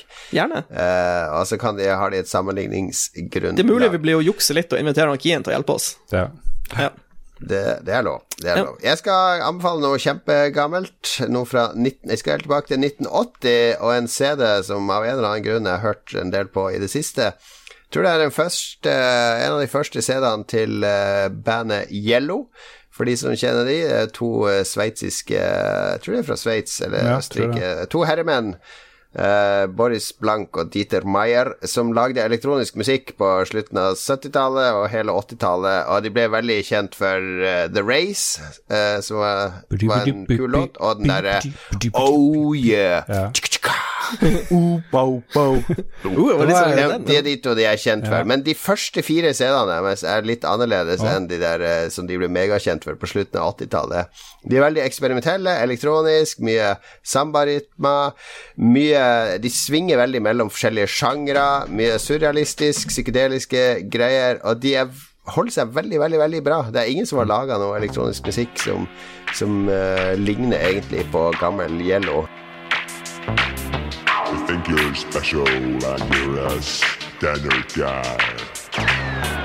I'm gonna tell you, you're nothing but a standard guy. You are a standard, standard. I stepping and Så plata Solid Pleasure med Yellow anbefaler jeg deg å finne frem på Spotify og nyte. Eh, hør hele plata fra start til slutt. Har et veldig kult midtparti med noe sånn menneskemengde som står og hyler, eh, mens det droner en sånn basslinje i bunnen, og, og Dieter Maier snakker om eh, The crowd is restless bla, bla, bla. Ah! Ah! Det, er, det er liksom en stemme fra et elektronikahelvete som forløser seg i noen raske rytmer på slutten. Det er veldig kult. Men uh, ja, Yellow Solid Pleasure er min anbefaling. Mats, du har sett på TV. Ja, jeg, har, eh, jeg kommer med en ny dokumentar. Uh, Denne så jeg en stund tilbake, da, så det er ikke en fersk anbefaling, men uh, jeg går god for den fortsatt. Eh, Det er en dokumentarfilm eh, som heter så mye som The Inventor. Out for Blood in Silicon Valley. Og det er da et ordspill på innholdet i dokumentarserien. Eh, Den Det handler, om, ikke om eh, en vampyr, som jeg tenkte først. Ja, nettopp. Man tenker jo vampyrer, det er, å, det er En blod gründervampyr. Gründervampyr. Eh, Det handler om eh, ei ung dame som heter Elizabeth Holmes, som starta opp et selskap som heter Teranos eh, i San Francisco, eller Silicon Valley, da. Eh, og de skulle gjøre det veldig billig og lett å analysere blod. Altså ta en blodprøve og analysere den eh, for ymse greier. da. Så de lagde en sånn maskin som de kalte for Edison, som var en sånn mirakel-device, for den var liten, den var lett, liksom du kunne bare liksom stappe fingeren, og så tok den en liten sånn prikk, Ja. eh, en sånn liten bloddråpe, og så skulle den analysere den, da. Og det var hele konseptet, liksom. Det var det de skulle gjøre. Og så plutselig fikk de masse backing. Folk bare kasta penger etter dem, for det virka så utrolig bra. Og så viser det seg jo at det var for godt til å være sant, Oh. og hun er bare en megafraud, og så bare tar det helt fullstendig av. Og det er bare starten. Det er bare toppen av isberget, liksom. Så det er utrolig fascinerende, eh, for det ble så, det ble så stort, liksom. Og så er hun dama, hun Elizabeth Holmes eh, Hun har noen sånn personlighetstrekk som er veldig sånn her eh, spesiell. Hun, hun gjør stemmen sin veldig mørk. Altså, hennes naturlige stemme er lys, men Ah. når hun snakker, holder taler, og intervjuer og sånn, så gjør hun stemmen sin kjempemørk for å virke litt sånn her Jeg vet Er det ikke. et triks vi bør bruke? Ja, jeg vet ikke, kanskje hvis du er dame kan du gjøre det, men, men veldig sånn fascinerende, eh, fascinerende person, fascinerende eh, firma, og liksom, ja, hvor galt det gikk, på en måte. Oppdatering fra forrige dokumentar Eller Eller det var ikke dokumentar, men Tsjernobyl-greia. Du skulle jo lese masse Tsjernobyl-bøker. Hvor det går der? Jeg har lest ferdig Midnight in Chernobyl. Ja. Åh, det var så lang. det var så mye info om Tsjernobyl, men veldig bra bok, da. Men jeg, kanskje les halve? Stopp halvveis, eller noe sånt. Annenhver side. Ja, den var, den var litt for lang, men eh, jeg var veldig fornøyd med boka. Jeg føler jeg, Ok. jeg kan altfor mye nå om Tsjernobyl. Føler du at du må lese en bok om uh, det her eh, Theranos. Nei, jeg føler at Jeg tror i den filmen der så får du med deg det meste du trenger å vite. Det er ganske de, Altså, den er jo veldig sånn fiendtlig mot hun og selskapet hennes, men det er jo en grunn til det, og det f- kommer frem i filmen. Det med ordens. Ja.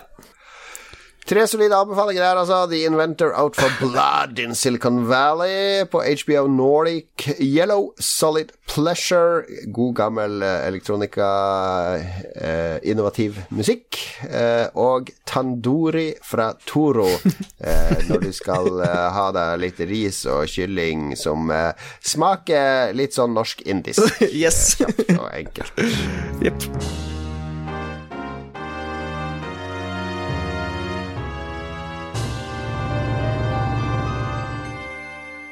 Lytterspalten. Vi hadde veldig åpent spørsmål til lytterne denne gangen, Lars. Og jaggu har de ikke kasta seg på, alle som én, kvinner og menn, voksne og barn, med det ene innspillet etter det andre.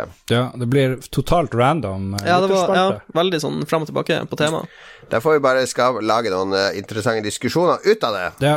Eh, første mann ut er Stian Skjerven. Han er jo sønnen til han der Skjerven eh, med masse skjegg. og. Pål Skjerven. Jeg vet ikke. Skal se. Slenge meg på eh, med å si takk for bra innhold og friske tilbakemeldinger på tidligere spørsmål. Så Stian Skjerven tydeligvis fornøyd.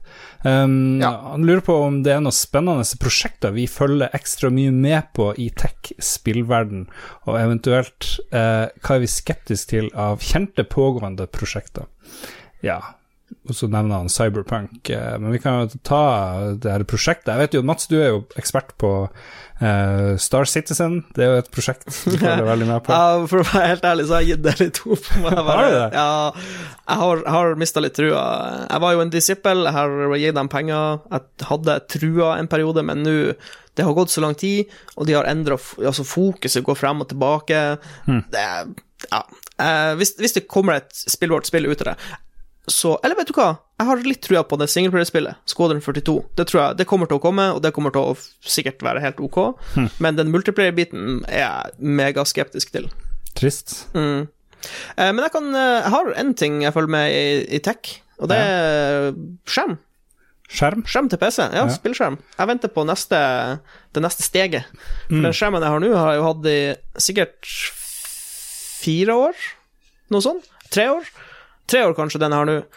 Eh, og jeg venter på eh, mer, mer oppdateringsfrekvens.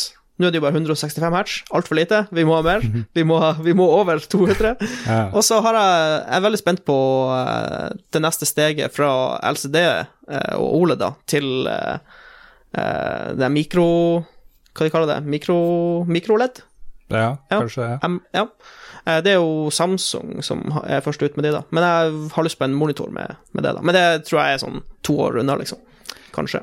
Men Vi er jo peak TV-teknologi nå, egentlig. Er vi ikke det? Vi har samme TV. Nei, ja Jo, sånn, ja. Jo, men jeg ser jo Jeg ser jo flås i den. Ja. Så, men det er, jeg, jeg følger ikke med på Jeg følger med på ting som er relevant til jobben min, altså hvordan spillbransjeting utvikler seg, og tjenester og hardware og Stadia og sånne ting, fordi at Ja, jeg er veldig jeg er det er jo jobben min å følge med på det, men det er ikke noe personlig interesse. Jeg er veldig lite personlig interessert i ting som skjer. Jeg er spent på Apple Arcade, fordi det er mange kule titler der, eh, men eh, det er ikke noe Jeg følger personlig ikke med på noen prosjekter. Ja. Litt PlayStation 5 si, er jeg litt spent på. Litt. Av og til er jeg inne på eh, Reddit eh, slash eh, PlayStation 5, men det er så mye det er bare drit. Det er ingenting. Ja, jeg tror vi må vente til offisiell, eh, offisielt Ja. der. Hold, Jeg gleder meg litt til neste konsollgenerasjon. Ja. Ja. Ja, ja. Hvis vi tenker på Cyberpunk, som han nevner, jeg gleder meg jo til det, men det er fordi jeg elsker Cyberpunk-type univers setting og sånne ting. Selve spillet vet jeg ikke nok om til at jeg har gjort meg opp noe med. Kom noen nye trailere, eller de hadde en sånn halvtimes gjennomspilling av noe Jeg, greier. jeg, jeg er litt redd. Jeg har ikke lyst til å se så mye videoer. Jeg liksom vil liksom Nei, men jeg ser Det er en sånn PC Master Race-bølge nå som bare mener at de driver og nerfer grafikken og nedskalerer ting. Og uh, folk er, de, har, de har funnet fram både fakler og høygafler og rasler med de om de ikke jeg, har begynt tror, å marsjere jeg, mot Polen. er, jeg tror det er en veldig naturlig forklaring på det. Hvorfor, visuelle, altså hvorfor det visuelle blir nedgradert litt. Og det er fordi nå nærmer de seg release. Eh, De holder på med optimisering, og da er jo spill, altså flyt i spillet er jo en stor greie optimisering. Spillet skal flyte eh, veldig bra, liksom. Og da har de kanskje funnet ut at oi, vi har faktisk skrudd grafikken for mye opp, det, det går ikke an, vi må ha mer flyt, og så justerer de litt ned. Det, jeg tror ikke det er noe mer enn det. Og så skjer det også en annen ting som er Du ser på en bugliste i Jira der det er eh, 30 000 bugs, hvorav 7000 av de er kritiske blokker-bugs. Så skal du da prioritere de 7000 som gjør at du får spilt spillet, eller de 23 000 som gjør at spillet ser én eh, promille bedre Nettopp. ut. Da velger du selvfølgelig bort det. Det, det er en situasjon jeg kan snakke av egen erfaring når man sitter med mange hundre ting som bør fikses, og altså noen som må fikses, og noen som det er kjempebra om blir fiksa, så må man prioritere, rett og slett, fordi det er ikke Uansett hvor mange du er, det er nesten ikke mulig å Nei, det- fikse alle, det- alt sånt. Tidsklemmer, liksom. Det er veldig komplisert. Men bra, bra innspill. Eh, Han eh, har uh, Kampsauen har også kommet med en innspill, fordi jeg og Lars var jo med på fredag, så var vi uh, inne i en skummel server som heter Trønderbataljonen. en gammel sånn Battlefield-klan. Fordi der arrangerer Kampsøven quiz, musikkquiz, hver fredag på Discord, der folk sitter på Discord og er med og gjetter. Og du gjorde det jo ganske bra der, Lars. Ja, etter han som flinke måtte fære, så uh, hoppa jeg opp og tok seieren. Men Nice. Kampsøven var veldig For du vant sist, og jeg vant nå. Jeg tror han rigger det her for, at vi skal vinne. Ja, du er jo smisking, altså. Ja, ja, ja. Men det syns jeg det er jo helt kurant. Men det er da er quiz på Discord? Ja. Ja, ok, kult. Yes. Så Tøft, du har eh. lyd i én kanal, og så går du inn og typer inn svaret i en annen Ah, tekstkanal, sånn at artig. eh, den første får poenget, liksom. Ja, ja, kult. Så eh, Nei, det var veldig morsomt. Uh, og så lurer han på om han har lyst til å arrangere det her for Lolbua. Ah, sånn, ja. ja en Discord-quiz. Ja, Ja, så det kan vi jo få til. det må vi jo Vi kan snakke om det Vi snakker om det utenom sending, så kommer vi tilbake til sauen. ja. Yes. Helge Larsen eh, sier at eh, for noen år siden så hadde vi to gjester som var pro Gamergate. Oh yeah! Kan oh man yeah. jo invitere dem tilbake for å høre hva de syns om slemme spilljournalister og kvinner med egne meninger nå, fem år senere. Da har vi jo, har vi jo fylt redaksjonen med gamergatere, så vi trenger Oi, oi. Ja. Nei da, vi Jeg husker det, det var Fredrik eh, Weisetaune, het han ene. Han andre husker jeg ikke helt hva het, han var fra Bergen. Eh, Men han Fredrik var jo den mest eh, profilerte, for han hadde jo kommet med en kronikk i Aftenposten som et svar på min kommentar og bla, bla, bla. Men så viste det seg jo, har det vist seg i ettertid, at Fredrik er jo egentlig blitt anti-Gamergate, og han er vel også politisk aktiv i Arbeiderpartiet. Og. Interessant. Har nå tatt utdanning, og jeg faktisk meldte med han her om dagen, for han driver og forsker på noe innenfor spill. Så, så vi kan godt ha en inn som gjest igjen, men jeg tror ikke han er så pro Gamergate lenger. Jo, ja, men det er, det er jo morsomt å høre reisen fra å være gamergater til Nettopp. noe annet. Det Kan være morsomt. Ja.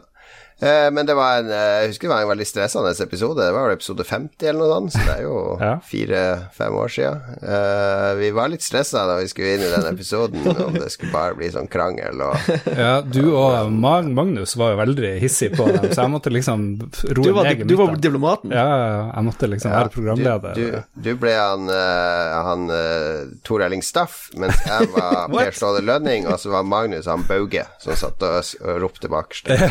Ja, det er helt rett. Uh, ok, Figgy Figgy! Fig, Ja. Figgy CTZ, vet ikke helt hva det betyr. det er et navn. Figgy Cuts. Kan vi- Cuts. Kan vi snakke om oppskrytte spill? Uh, han mener at spill i dag er, kan være for gjennomdesigna, har for mye story. Han vil ha banal forhistorie som du kan klikke fort forbi, og så skal det være spillbart. Han skylder på spilldesignere som lager store story bibles og designdokument. Eh, hvor man ja, blar, blar, blar. Føles ut som han har litt innsikt i spillutvikling, for han mener at spillutviklere må skrive ned what is driving your character, og what sets your game apart, and what is its reason for existing. Stemmer det her, Jon Cato? Uh, Ja, jeg hater også de greiene der, så det er helt enig med Figgy der. Det var så vidt jeg kom jeg like langt som Mats i kontroll, fordi det går altfor seigt i starten. Ja. Gå og tusle rundt i noen korridorer, snakke med en vaktmester. Cuts in, cuts in, cuts in, cuts in, cuts in. Bare la meg slippe meg løs. Altså, la meg utforske litt kjappere på egne premisser. Men jeg kan varmt anbefale Wilmots Warehouse, som bare lærer deg å flytte på varer, og så er du i gang. Ja, jeg vil også nevne at uh, det bør jo nevnes at han snakket om trippel A-spill. For det finnes jo masse spill ja, som ikke har historie, sånn som Wilmots Warehouse og altså små arkade-actionspill og Altså, det finnes jo masse sånne kule små indiespill som ikke har noe av det der. Ja. Så det er jo, det er jo trippel A-spillene han kritiserer. Og det Jeg forstår de det. lider veldig av det, mange trippel A-spill, og de er så redd for at folk ikke skal skjønne hva de skal gjøre med en gang. Mm. Vi er, jeg kan også snakke av egen erfaring, at vi også har måttet håndtere feedback på ting. at men kommer spillerne til å skjønne hva de skal gjøre, Mm. eller burde vi putte inn Ja. en forklaring eller noen måte å, å veilede de videre? Ja. Eh, jeg tenker Borderlands er kanskje litt flink på det der, for det er jo mye story hvis du vil, og du kan liksom finne backstory om noen ting, men det går ganske fort. Det er mye mer sånn her eh, kjapt og til på. Ja, det er vel litt handholding. Det kan de få Jeg husker skryt for. Borderlands 2 hadde en sånn grusom intro-tutorial-greier du måtte gjennom, hvor du våkner opp på det isødet, og så må du følge etter han Mm. Ja, og klatre, og det var helt forferdelig. Ja, det tok 1000 år. Ja. Destiny husker jeg var veldig bra. Du bare våkner opp utafor muren der, og så løper du inn, får et våpen, Ja. skyter, skyter, skyter. Og bare sånn gradvis så ble alle powerne eh, gjennom 15 minutter med spilling, så, så var det liksom Da var det utlært. Eh, kri- kritikk til Kampsauen, som også er i chatten her. Hva blir Lars' anbefaling neste uke? Vann fra springen! Det tror jeg du har anbefalt før, Lars. H2O. Det har jeg ikke. De- Martin. Pettersen lurer på eh, hva slags forhold vi har til Olsenbanden. Slo det noen gang an i nord? Ja, Ja, vi så, jo, vi så jo det når vi var små. Ja, jeg har sett alle Olsenbanden-filmene da jeg var liten. Har gang vært med en nordlending i en Olsenbanden-film? Det er et godt spørsmål. Mm, Nei, ja, det er dårlig ikke. representasjon. ja. Ja. Det var bare Helge Jordal som fikk lov å være med fra distriktene før, og etter hvert han Lars Andreas Larsen. Så var det Det var jo veldig For meg var det en veldig ikonisk serie da jeg var liten. Jeg så Mm. alle på kino og koste meg masse med de. Og så ble Oslo ble jo veldig sånn What? eksotisk og skummelt. Jeg, jeg tror Skulle du lage en av de klassiske 70-talls Olsenbanen-filmene i dag, så hadde nok Oslo bystyre og andre kommet inn og reagert. Hei, hei, hei, byen vår er ikke full av kriminelle og slum. Og i det første Olsenbanen så bor de vel eh, i etasjen over en strippebule eller noe Oh. sånt. Eh, Mye øl og drikking og så det, det, det er ganske sånn shabby versjon av Oslo som jeg likte. Jeg vil ha, jeg vil ha TV-serieversjon av Olsenbanen, men kun når uh, han Egon, junior, når Egon Olsen er i fengsel og må til psykolog, og han har sikkert enorme problemer, så må han liksom Du vil ha en crossover mellom oss og Olsenbanden. Yes, tenk, det er ingen som har tenkt på det der. Det her er, her er jo gull. ja. Driver og smugler heroin i rumpa og sånn her. Jeg vet ikke, det kan gå ja, mange forskjellige Arve. Oppsal død, så jeg tror du kan se langt etter Det blir en reboot. Det blir reboot. Ja. En reboot med, med HBO, Olsenbanden-serie med stort fokus på drama og eh, Ja. fengselsvold, Aksel Hennie sånn tynn Aksel Hennie. som Egon Olsen. Ja. Åh, Og så skulle vi recaste Olsenbanden i dag, da. Aksel Hennie som Egon, en Benny, da. Han er jovial med barten. Ja, Hasse Hope. Hasse Hope som Benny, litt sånn comic relief. Og så må vi ha en nevrotiker som han Karsten. Han, eh, hva heter han? eh, Kjell. Kjell. Kjell, ja. ja. Ja, hvem skal vi ha i den rollen? Uh, så dårlig Han Det, det, jeg, jeg, jeg føler det må være ei dame i den rollen. Vi må liksom gjøre det i ja, ja, 2019. ja, ja, ja. Han må ha representasjon. Ja. ja. Ah, en nevrotisk dame i den rollen. Det Linn må jo bli Skåber. å være Henriette Stenstrup eller noe sånt. ja, ja, ja, ja. ja. Begynner vi å snakke. Ja, nei, men det Ja, var da det, det, er det naila. Er det bare å sende inn manuskriptet. Nordisk film, nei, hva det heter det? Norsk Altså, politiinspektør Holm han eh, Stopp, i lovens navn! Det må, da kan vi ha nordlendingen inn. Da Ja. blir det um, Bjørn Sundquist som kommer. Faen, jeg syns med en gang de blir så kjent og sånt, så jeg, ja jeg, Bjørn Sundquist må få være Ja, med. jo, jo, Du, tror, du tror du er smart, du, Egon. Du tror du er smart, du, Olsen. Hæ? Nå sitter du faen meg inne her. ja, Det her er jo gull. Det her er, det gullstøv, i hvert fall, Ja. i posen. Nye Olsenbanden, Nordisk film, det er bare å ringe. Nye Mm. Olsenbanden er uh, nå Manuset er underveis. Yes. Oh, hvor vi er kommet hen. Han eh, herr Benkestok har et innspill. Han har kjøpt uh, tørketrommel til kona si, som også eh, han tjener på, håper han. Det er veldig gammelt kjønnsdiskriminerende å kjøpe vaskemaskin og tørketrommel til kona i julegave. Han landa på en Siemens, eh, og så ber kona innstendig om at jeg ikke skal kalle det her for nazitrommelen. Eh, men så sier han i sitt forsvar at Siemens var tungt inne i diverse utryddelsesleirer gjennom Ferniktung durch Arbeit, eh, og spørsmålet til panelet er er han i sin fulle rett å kalle den Siemens-maskinen for en nazitrommel? Og eventuelt, hvor går grensa for å kalle noe for nazi? Veldig lav grense for å kalle noe nazi. Ja, jeg føler det. Ja, her i Lolbo Ja. er veldig lav grense Ja. for det. Men selvfølgelig skal han kunne kalle det En nazitrommel, er ikke det jo innafor, er det ikke? Ja, det er, spesielt hvis hun har begynt å irritere seg over det, så Ja. kan det her være en god god running gag. Det er i hvert fall jeg konsekvent omtalt det. Så kanskje Du går kanskje litt for langt hvis du limer et sånn hakekors på døra til tørketrommel eller noe sånt. Det er litt over streken. Men verbalt tenker jeg du kan gjøre det. Og i hvert fall hvis du skal tørke noe Hugo Boss-truse eller underskjorte og sånn, for det er jo naziklær, det vet jo alle. Det, det, er Noen noen brune som, skjorter. det er noen som setter vaskemiddel og sånt oppå um, på vaskemaskinen, som jo står veldig nært tørketrommelen. Ja. Eh, eller kanskje du kan sette det opp på tørketrommelen òg, så kan du sette Tørke, man bruker å sette tørketrommelen oppå Ja, vaskemaskinen. Ja, ja, nei, det, ja, ja. Men uansett så kan du legge de her vaskemidlene sånn i et slags hakekorsform. Ah, sånn, ja. Ja. eh, kan han gjøre i vaskerommet. Hvis han har nok produkter. Nei, nazi, til lykke med nazitrommel, eh, si. Hvis du sender oss adressen din, så kan vi sende postkort fra Lolbua der vi skriver 'til lykke med nazitrommel', som vi adresserer til kona di. Vi skal gjøre det for deg, herr Benkestok, som en eh, service. Gratis service fra oss. Vi strekker oss hakket lenger enn andre Vi podkaster. Kristoffer Gettoboys, Hansen Leistad, konsollkrig og PC Master Race. Når blir den disputten borte?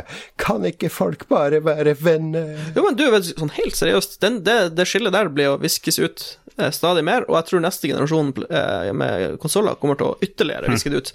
For du ser det nå med, med Modern Warfare, det nye Call of Duty-spillet. Det er matchmaking på cross-platform, det er input-based matchmaking. Jeg tror, jeg håper at det er på tide å viske ut de her grensene. La spillene komme synes... ut på alle, og alle sammen, og så kan du spille med vennene dine uansett hvor, eh, hvor de er.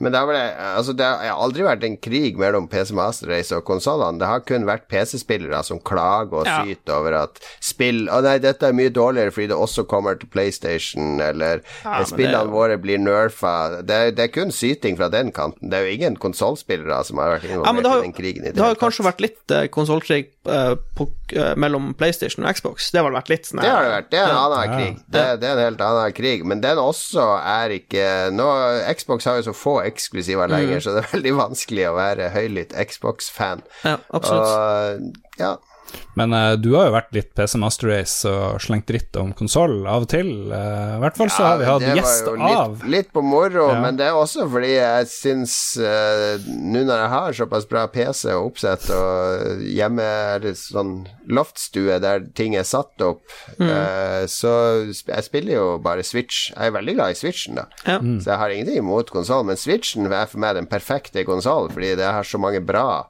indiespill og Nintendo-spill på den som jeg liker å spille håndholdt. Så sånn som Wilmots Warehouse, det spilte jeg først på PC, men det liker jeg bedre på Switch, fordi det er enda deiligere å ligge i sofaen med å spille det håndholdt. Alt er bedre å spille liggende, Liggende i sofaen. Ja, det, Ja. Men uh, uansett, uh, PC Master Race Men det er jo Jeg vet ikke. Jeg vet ikke. Vi, kan, vi må ha en sånn uh, konsollkrig PC Master Race-spesial. Kan vi invitere eh, ulike parter? Finne noen som hater, skikkelig hater den andre sida. ja. Det har vært gøy. ja. Oreiner, eh, hva føler dere er forskjellen på en gamer som vokser opp i dag, og en gamer fra vår egen barndom. Og så er han litt sånn her eh, Har han noen tanker om det sjøl, da, virker det som.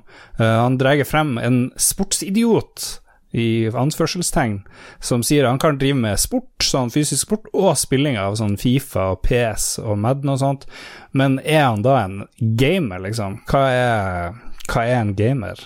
Og har, Ja. hvem får lov å kalle seg det? Ja, det har jo litt med at før i tida hvis du, hvis du spilte spill, så var du en gamer, enkelt og greit. Men nå i dag så er det så mange, det er så vanlig å spille i dag, at du har lagd sånn sub... Du har lagd sånn her eh, Ja, men så blir noen usikre, og de prøver å forsvare det. ikke sant? De prøver å kaste ut kvinner, det kan ikke være gamer, er det noen som mener Det er så teit. Det er en liten subgruppe som vi ikke trenger å fremheve på. Men i gamle dager var det mye mer opptatt av identitet via det du var interessert i. Så du måtte f.eks. velge om du likte syntmusikk eller rockemusikk på starten av 80-tallet. For det var en, en del av identiteten din. Eh, og det er jo ikke sånn nå lenger. Alle som vokser opp nå, de spiller jo. Uh, enten de er gutter eller jenter eller hva som helst. Og de får jo et helt annet forhold til spill som noe som bare er en naturlig del av livet gjennom hele oppveksten. Noen slutter med det når de blir eldre, andre gjør ikke det. Så akkurat den der gameridentiteten tror jeg kommer fra en tid der det var en nisjeting å drive med, og så ble det noe man hadde felles og skapte et community rundt. Men det er ikke sånn lenger nå. Nå er det et Counter-Strike-community for de som spiller veldig mye Counter-Strike. Ja. Fortnite og Minecraft og Fortnite-community, et Minecraft-community, det er sub-communities. Det er ikke én sånn gameridentitet lenger, føler jeg. Det, jeg tror den er egentlig forsvunnet. Den blir viska ut. Det er som du er kjempefilminteressert og drar på filmfestival og i Tromsø eller Oslo eller andre steder og ser masse filmer. Du er ikke så, identiteten din er ikke at du er noe sånn herre jeg, jeg er filmfrik. Det, det er du må ikke gå med film-T-skjorte hele tida, eller film-merch, og, og forsvare film i enhver sammenheng. Det er bare at du er veldig interessert i film, filmuttrykket og bruker mye tid på det. Ja.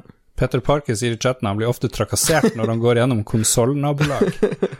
Og lurer på om vi kunne hatt arbeidsleir for den ene gruppa og stoppa eh, polariseringa. Uff da. Husk at Vi skal ikke snakke så mye om chatten, fordi det skal bli en Ja. podkast der det føles ut som vi sitter i et lukka studio. Det her har vi snakka om på styremøte, Lars. Styremøte var bare sånn her eh, du kjefting. ikke referatene? Kun kjeft. Visste ikke at det var styremøte.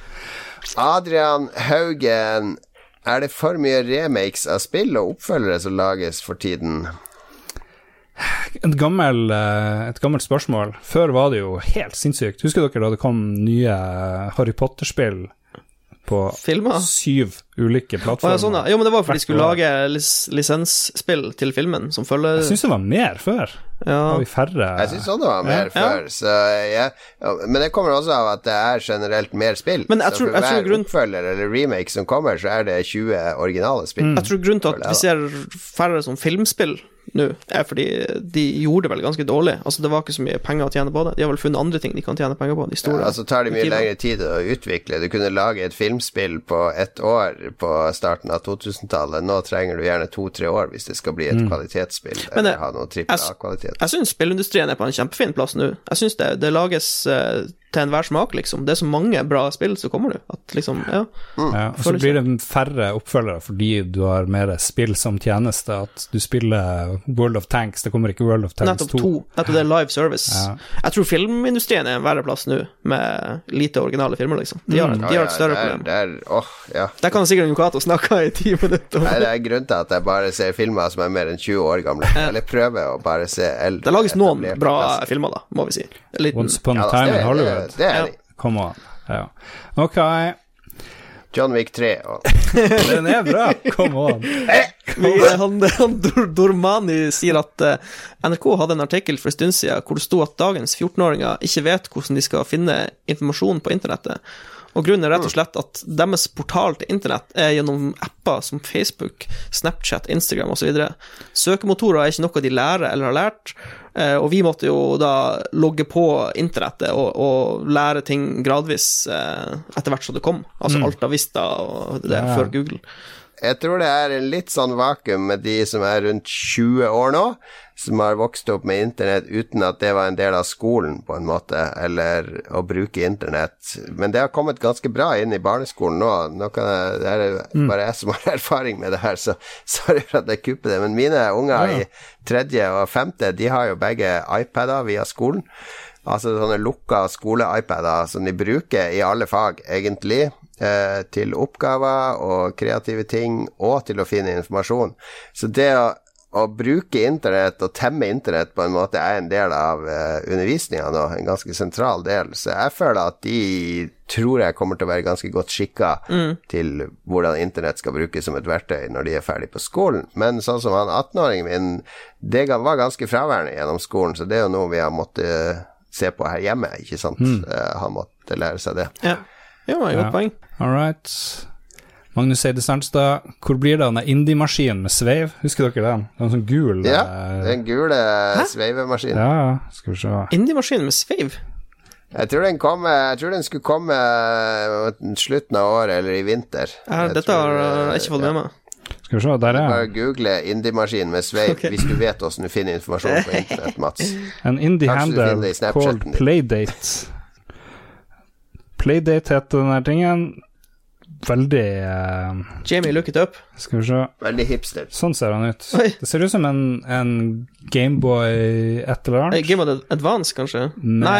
nei, ikke Gameboy Ja. Advance, men et eller annet. Det er en svenskutvikla indie-konsoll med innebygde spill, eh, der du bruker sveiva som en unik kontrollmekanisme. Jeg tror den koster en 2000 spenn oh, eller noe sånt, så den er ganske Ganske hipster-kvalitet. Men, eh, for- Men jeg tror den kommer. Jeg tror ikke det er noe problem med finansieringa. Ja. Ja. Vi gleder oss. Vi gleder oss. Kosti Eriksen sist ut. Han har noe som har irritert seg over noe helt vanvittig i videoene han har fått sett fra Death Stranding, som er Hidio Kojima sitt nye ambisiøse spill. Eh, og lurer på om flere tenker det samme, fordi ryggsekken til hovedpersonen ser utrolig ukomfortabel og helt ubrukelig ut. Det er altfor mye metall og harde materialer som bæres uten padding, og den flytter tungdepunktet altfor langt bakover. Enhver som skal bære den, hadde hatt store problemer med å holde seg på beina. Eh, han avslutter med hashtaggen 'Make gaming ryggsekk realistic again'. Ja. Jeg må innrømme, jeg tenkte faktisk akkurat det samme når jeg så en av de trailerne, for han hadde sånn komisk stor ryggsekk, og så heiv han ut en sånn stige, og så klatra han opp sånn her 30 meter med den her ryggsekken på seg. Så jeg håper det blir forklart i spillet, da, hvordan han klarer å bære den. Han har jo sikkert en, sånn anti-grab-ramme. gyro, gyrostabilisator eller et eller annet. Ja. Ja. Jeg vil, jeg vil tro det blir forklart. For han, han Men jeg skjønner jo spørsmålsstillinga, Fordi hvis du spiller Division, så er jo ryggsekken er jo en sentral del av identiteten din, for du bruker veldig mye tid på å se på den sekken som liksom skrangler opp og ned på ryggen Ja. din, og der syns jeg Division og Division 2 har vel kanskje de flotteste De spillryggsekkene i noe spill, ja. Ja. Nei, men jeg tror at uh, hvis du ser på de tidligere spillene til eh, Hideo Kojima, som Metal Gear Solid, sånn, han er jo veldig sånn praktisk eh, Eller jeg vet ikke, altså mm. I sånn cutscene sånn, det føles som alt har tyngde, og det er sånn Ja, det er litt sånn skikkelig feedback fra ting, så jeg håper, jeg håper han forklarer, forklarer seg her. At det ikke bare blir eh, At det går, at det går av seg sjøl, på en måte, uten å bli forklart. Men de som fer rundt med mat på ryggen, sånne svære sånne varmebager i Oslo, som fer og sykler rundt Fodora. De er ganske svære, de her ryggsekkene. De ligner litt på de her. her. Ja, det er sånn Ja, de er Fodora-ryggsekk. veldig Ja, store og faktisk. firkantige, Ja, det er sant. Den, Men nå fer de ikke rundt i Oslo lenger, fordi Fodora er i streik. Eller Fodora-sykkelbudene streiker mot uh, dårlige vilkår fra disse amerikanske app-selskapene. Og vi i Lolbua, vi støtter vel den streiken, gjør vi ikke det? Ja. Absolutt. Jeg bruker ikke Fodora. Jeg tror ikke det fins her, så vi Nei, det finnes, streiker. det finnes ikke i Harstad. Konstant streik i Harstad. eh, det her eh, svenske indie-arkadetingen, handheld playdate, skal koste 149 dollar, veldig dyr. Kommer ett spill hver mandag i tolv uker når du kjøper den. Og så eh, ble den vist frem nå i august, så den er funksjonerende. It's, It's- it's. Så den er it's on. Vi gleder oss. Yes. Vi gleder oss i Lolbua til alle nye konserter, inkludert Ja. Playdate. Jeg vil sveive. Det var det vi hadde for denne gangen. Lolbua har tatt for seg eldrerevolusjon og spå- sett inn i framtida hvordan vi kommer til å være som eldre. Og vi anbefaler deg òg til å gjøre det. Blir du sur og grinete? Blir du blid og jovial? Skal du sove mer? Skal du sove mindre? Spille mer? Spille mindre? Videre. Ta en titt på hvordan du utvikler deg, så er du bedre forberedt til å takle fremtida når den kommer. Mm. Og neste uke så skal vi snakke skal vi- om pensjon. Eh, hele Nei, nei, det blir ikke noe pensjon. Neste uke blir det en ny episode. Kanskje vi snakker litt mer om Borderlands, da, for da har du og Katarina og Ståle fått boltra dere litt, Lars. Yay. Det Det hadde vært interessant. Ja. Og det er også den siste episoden før den fatale hytteturen. Oh. Så uh, episoden etter det blir vel en hyttetur spesial. Skal vi gi lytterne noen mulighet til uh, utfordringer vi kan gjøre på hytteturen, Lars? Oi, ja. Eh, vi tok jo med surstrømming et år, Ja. for eksempel. Ja. Fins det noe sånn li lignende matgreier som er forferdelig? Hvis noen lyttere har innspill på ting vi burde gjøre, filme eller diskutere, snakke om på hytta For husk, på hytta så har vi samla kremen av Nord-Norge. Altså, vi har en nordnorsk rakettforsker, vi har en nordnorsk filosof, vi har en nordnorsk kjendislege, vi har en eh, nordnorsk journalist i Lars, vi har en, en eh, nordnorsk spillskaper i meg, eh, vi har to nordnorske mesterkokker, hvorav den ene jobber i Microsoft, og han andre jobber, er ekspert på post og distribusjon. Vi har en nordnorsk ekspert i programmering som jobber i IBM. Eh, det er ganske mye kompetanse samla under et tak her. Ja. Vi har en nordlending som jobber i toppen av NRK. Eh, her, det er mye makt Mye makt samla her oppe. Hvis du har forslag Hvis for eksempel eh, du vil ha et eller annet vi skal gjøre, diskutere, komme fram til, utfordre oss sjøl på, så send inn til Lolbua. Så er vi nordnorsk mester i survival-skyting, Jan Mats. Ja, men eh, jeg, jeg skal til Tromsø. Åh, shit. Kommer ikke Mats RIP. Endelig, endelig enda en plan kansellert i siste liten. Puste lettet ut. Ja, men det er bra. Ehm, takk for alle som eh, hører på Lolbua. Takk for, til dere som støtter oss på Patrion. Så har vi råd til uh, mikrofoner og så videre, eh, og tur hit og dit. Mm, og så vil vi takke TTMXMP, Kobrakar84 og Rolf Helge Øvergård Ingebrigtsen, som er produsenter, så de blir nevnt i alle mulige bauger og kanter. Så det er ikke så verst. Kom en ny Roffelbua i forrige uke som ble veldig bra. Eh, nest sånn tre timer lang. Litt, eh, litt kjip lyd av og til, beklager det, men eh, herregud. Det, det Og så minner vi om at helga 4., 5. og 6. oktober så kommer det til å skje spektakulære ting i uh, Oslo. Uh, hvis du er fan, så er det faktisk hele tre events du kan være med på da. Tilkast søndag 6. oktober. Uh, de to Det blir Commodore 64 et ball. Nummer to den 4. oktober, fredagen, og lørdagen er hemmelig, men følg med på våre sosiale medier for en storslått annonsering i de neste dagene. Weekend of Lolbua. Ja. Det er ikke verst. Viken et Lolbua blir det i Oslo 4., 5. og 6. oktober. Bare bestill ferie med en gang. Takk for oss. Ha det bra. Ha det.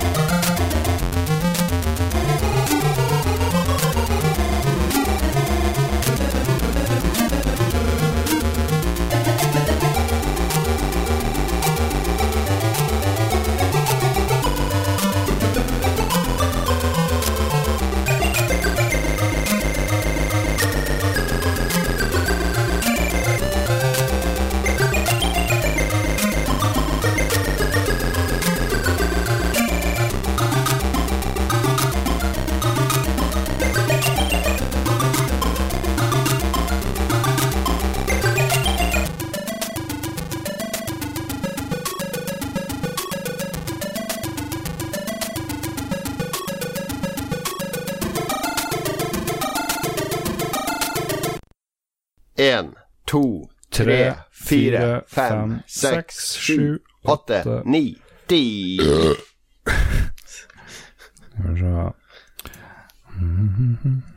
Du vet at du har tatt opp i to minutter, Lars. Du må prøve å huske det når du skal Ja, synke. det er jo det annoying, men det skal gå bra. Eh, fem sekunds stillhet. Helt stille. Helt stille fra nå.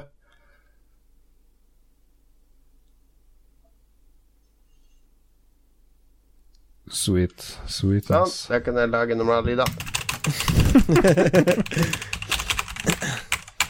Har du et enkeltpersonforetak eller en liten bedrift? Da er du sikkert lei av å høre meg snakke om hvor enkelt det er med kvitteringer og bilag i fiken, så vi eh, gir oss her, vi. Fordi vi liker enkelt. Fiken superenkelt regnskap.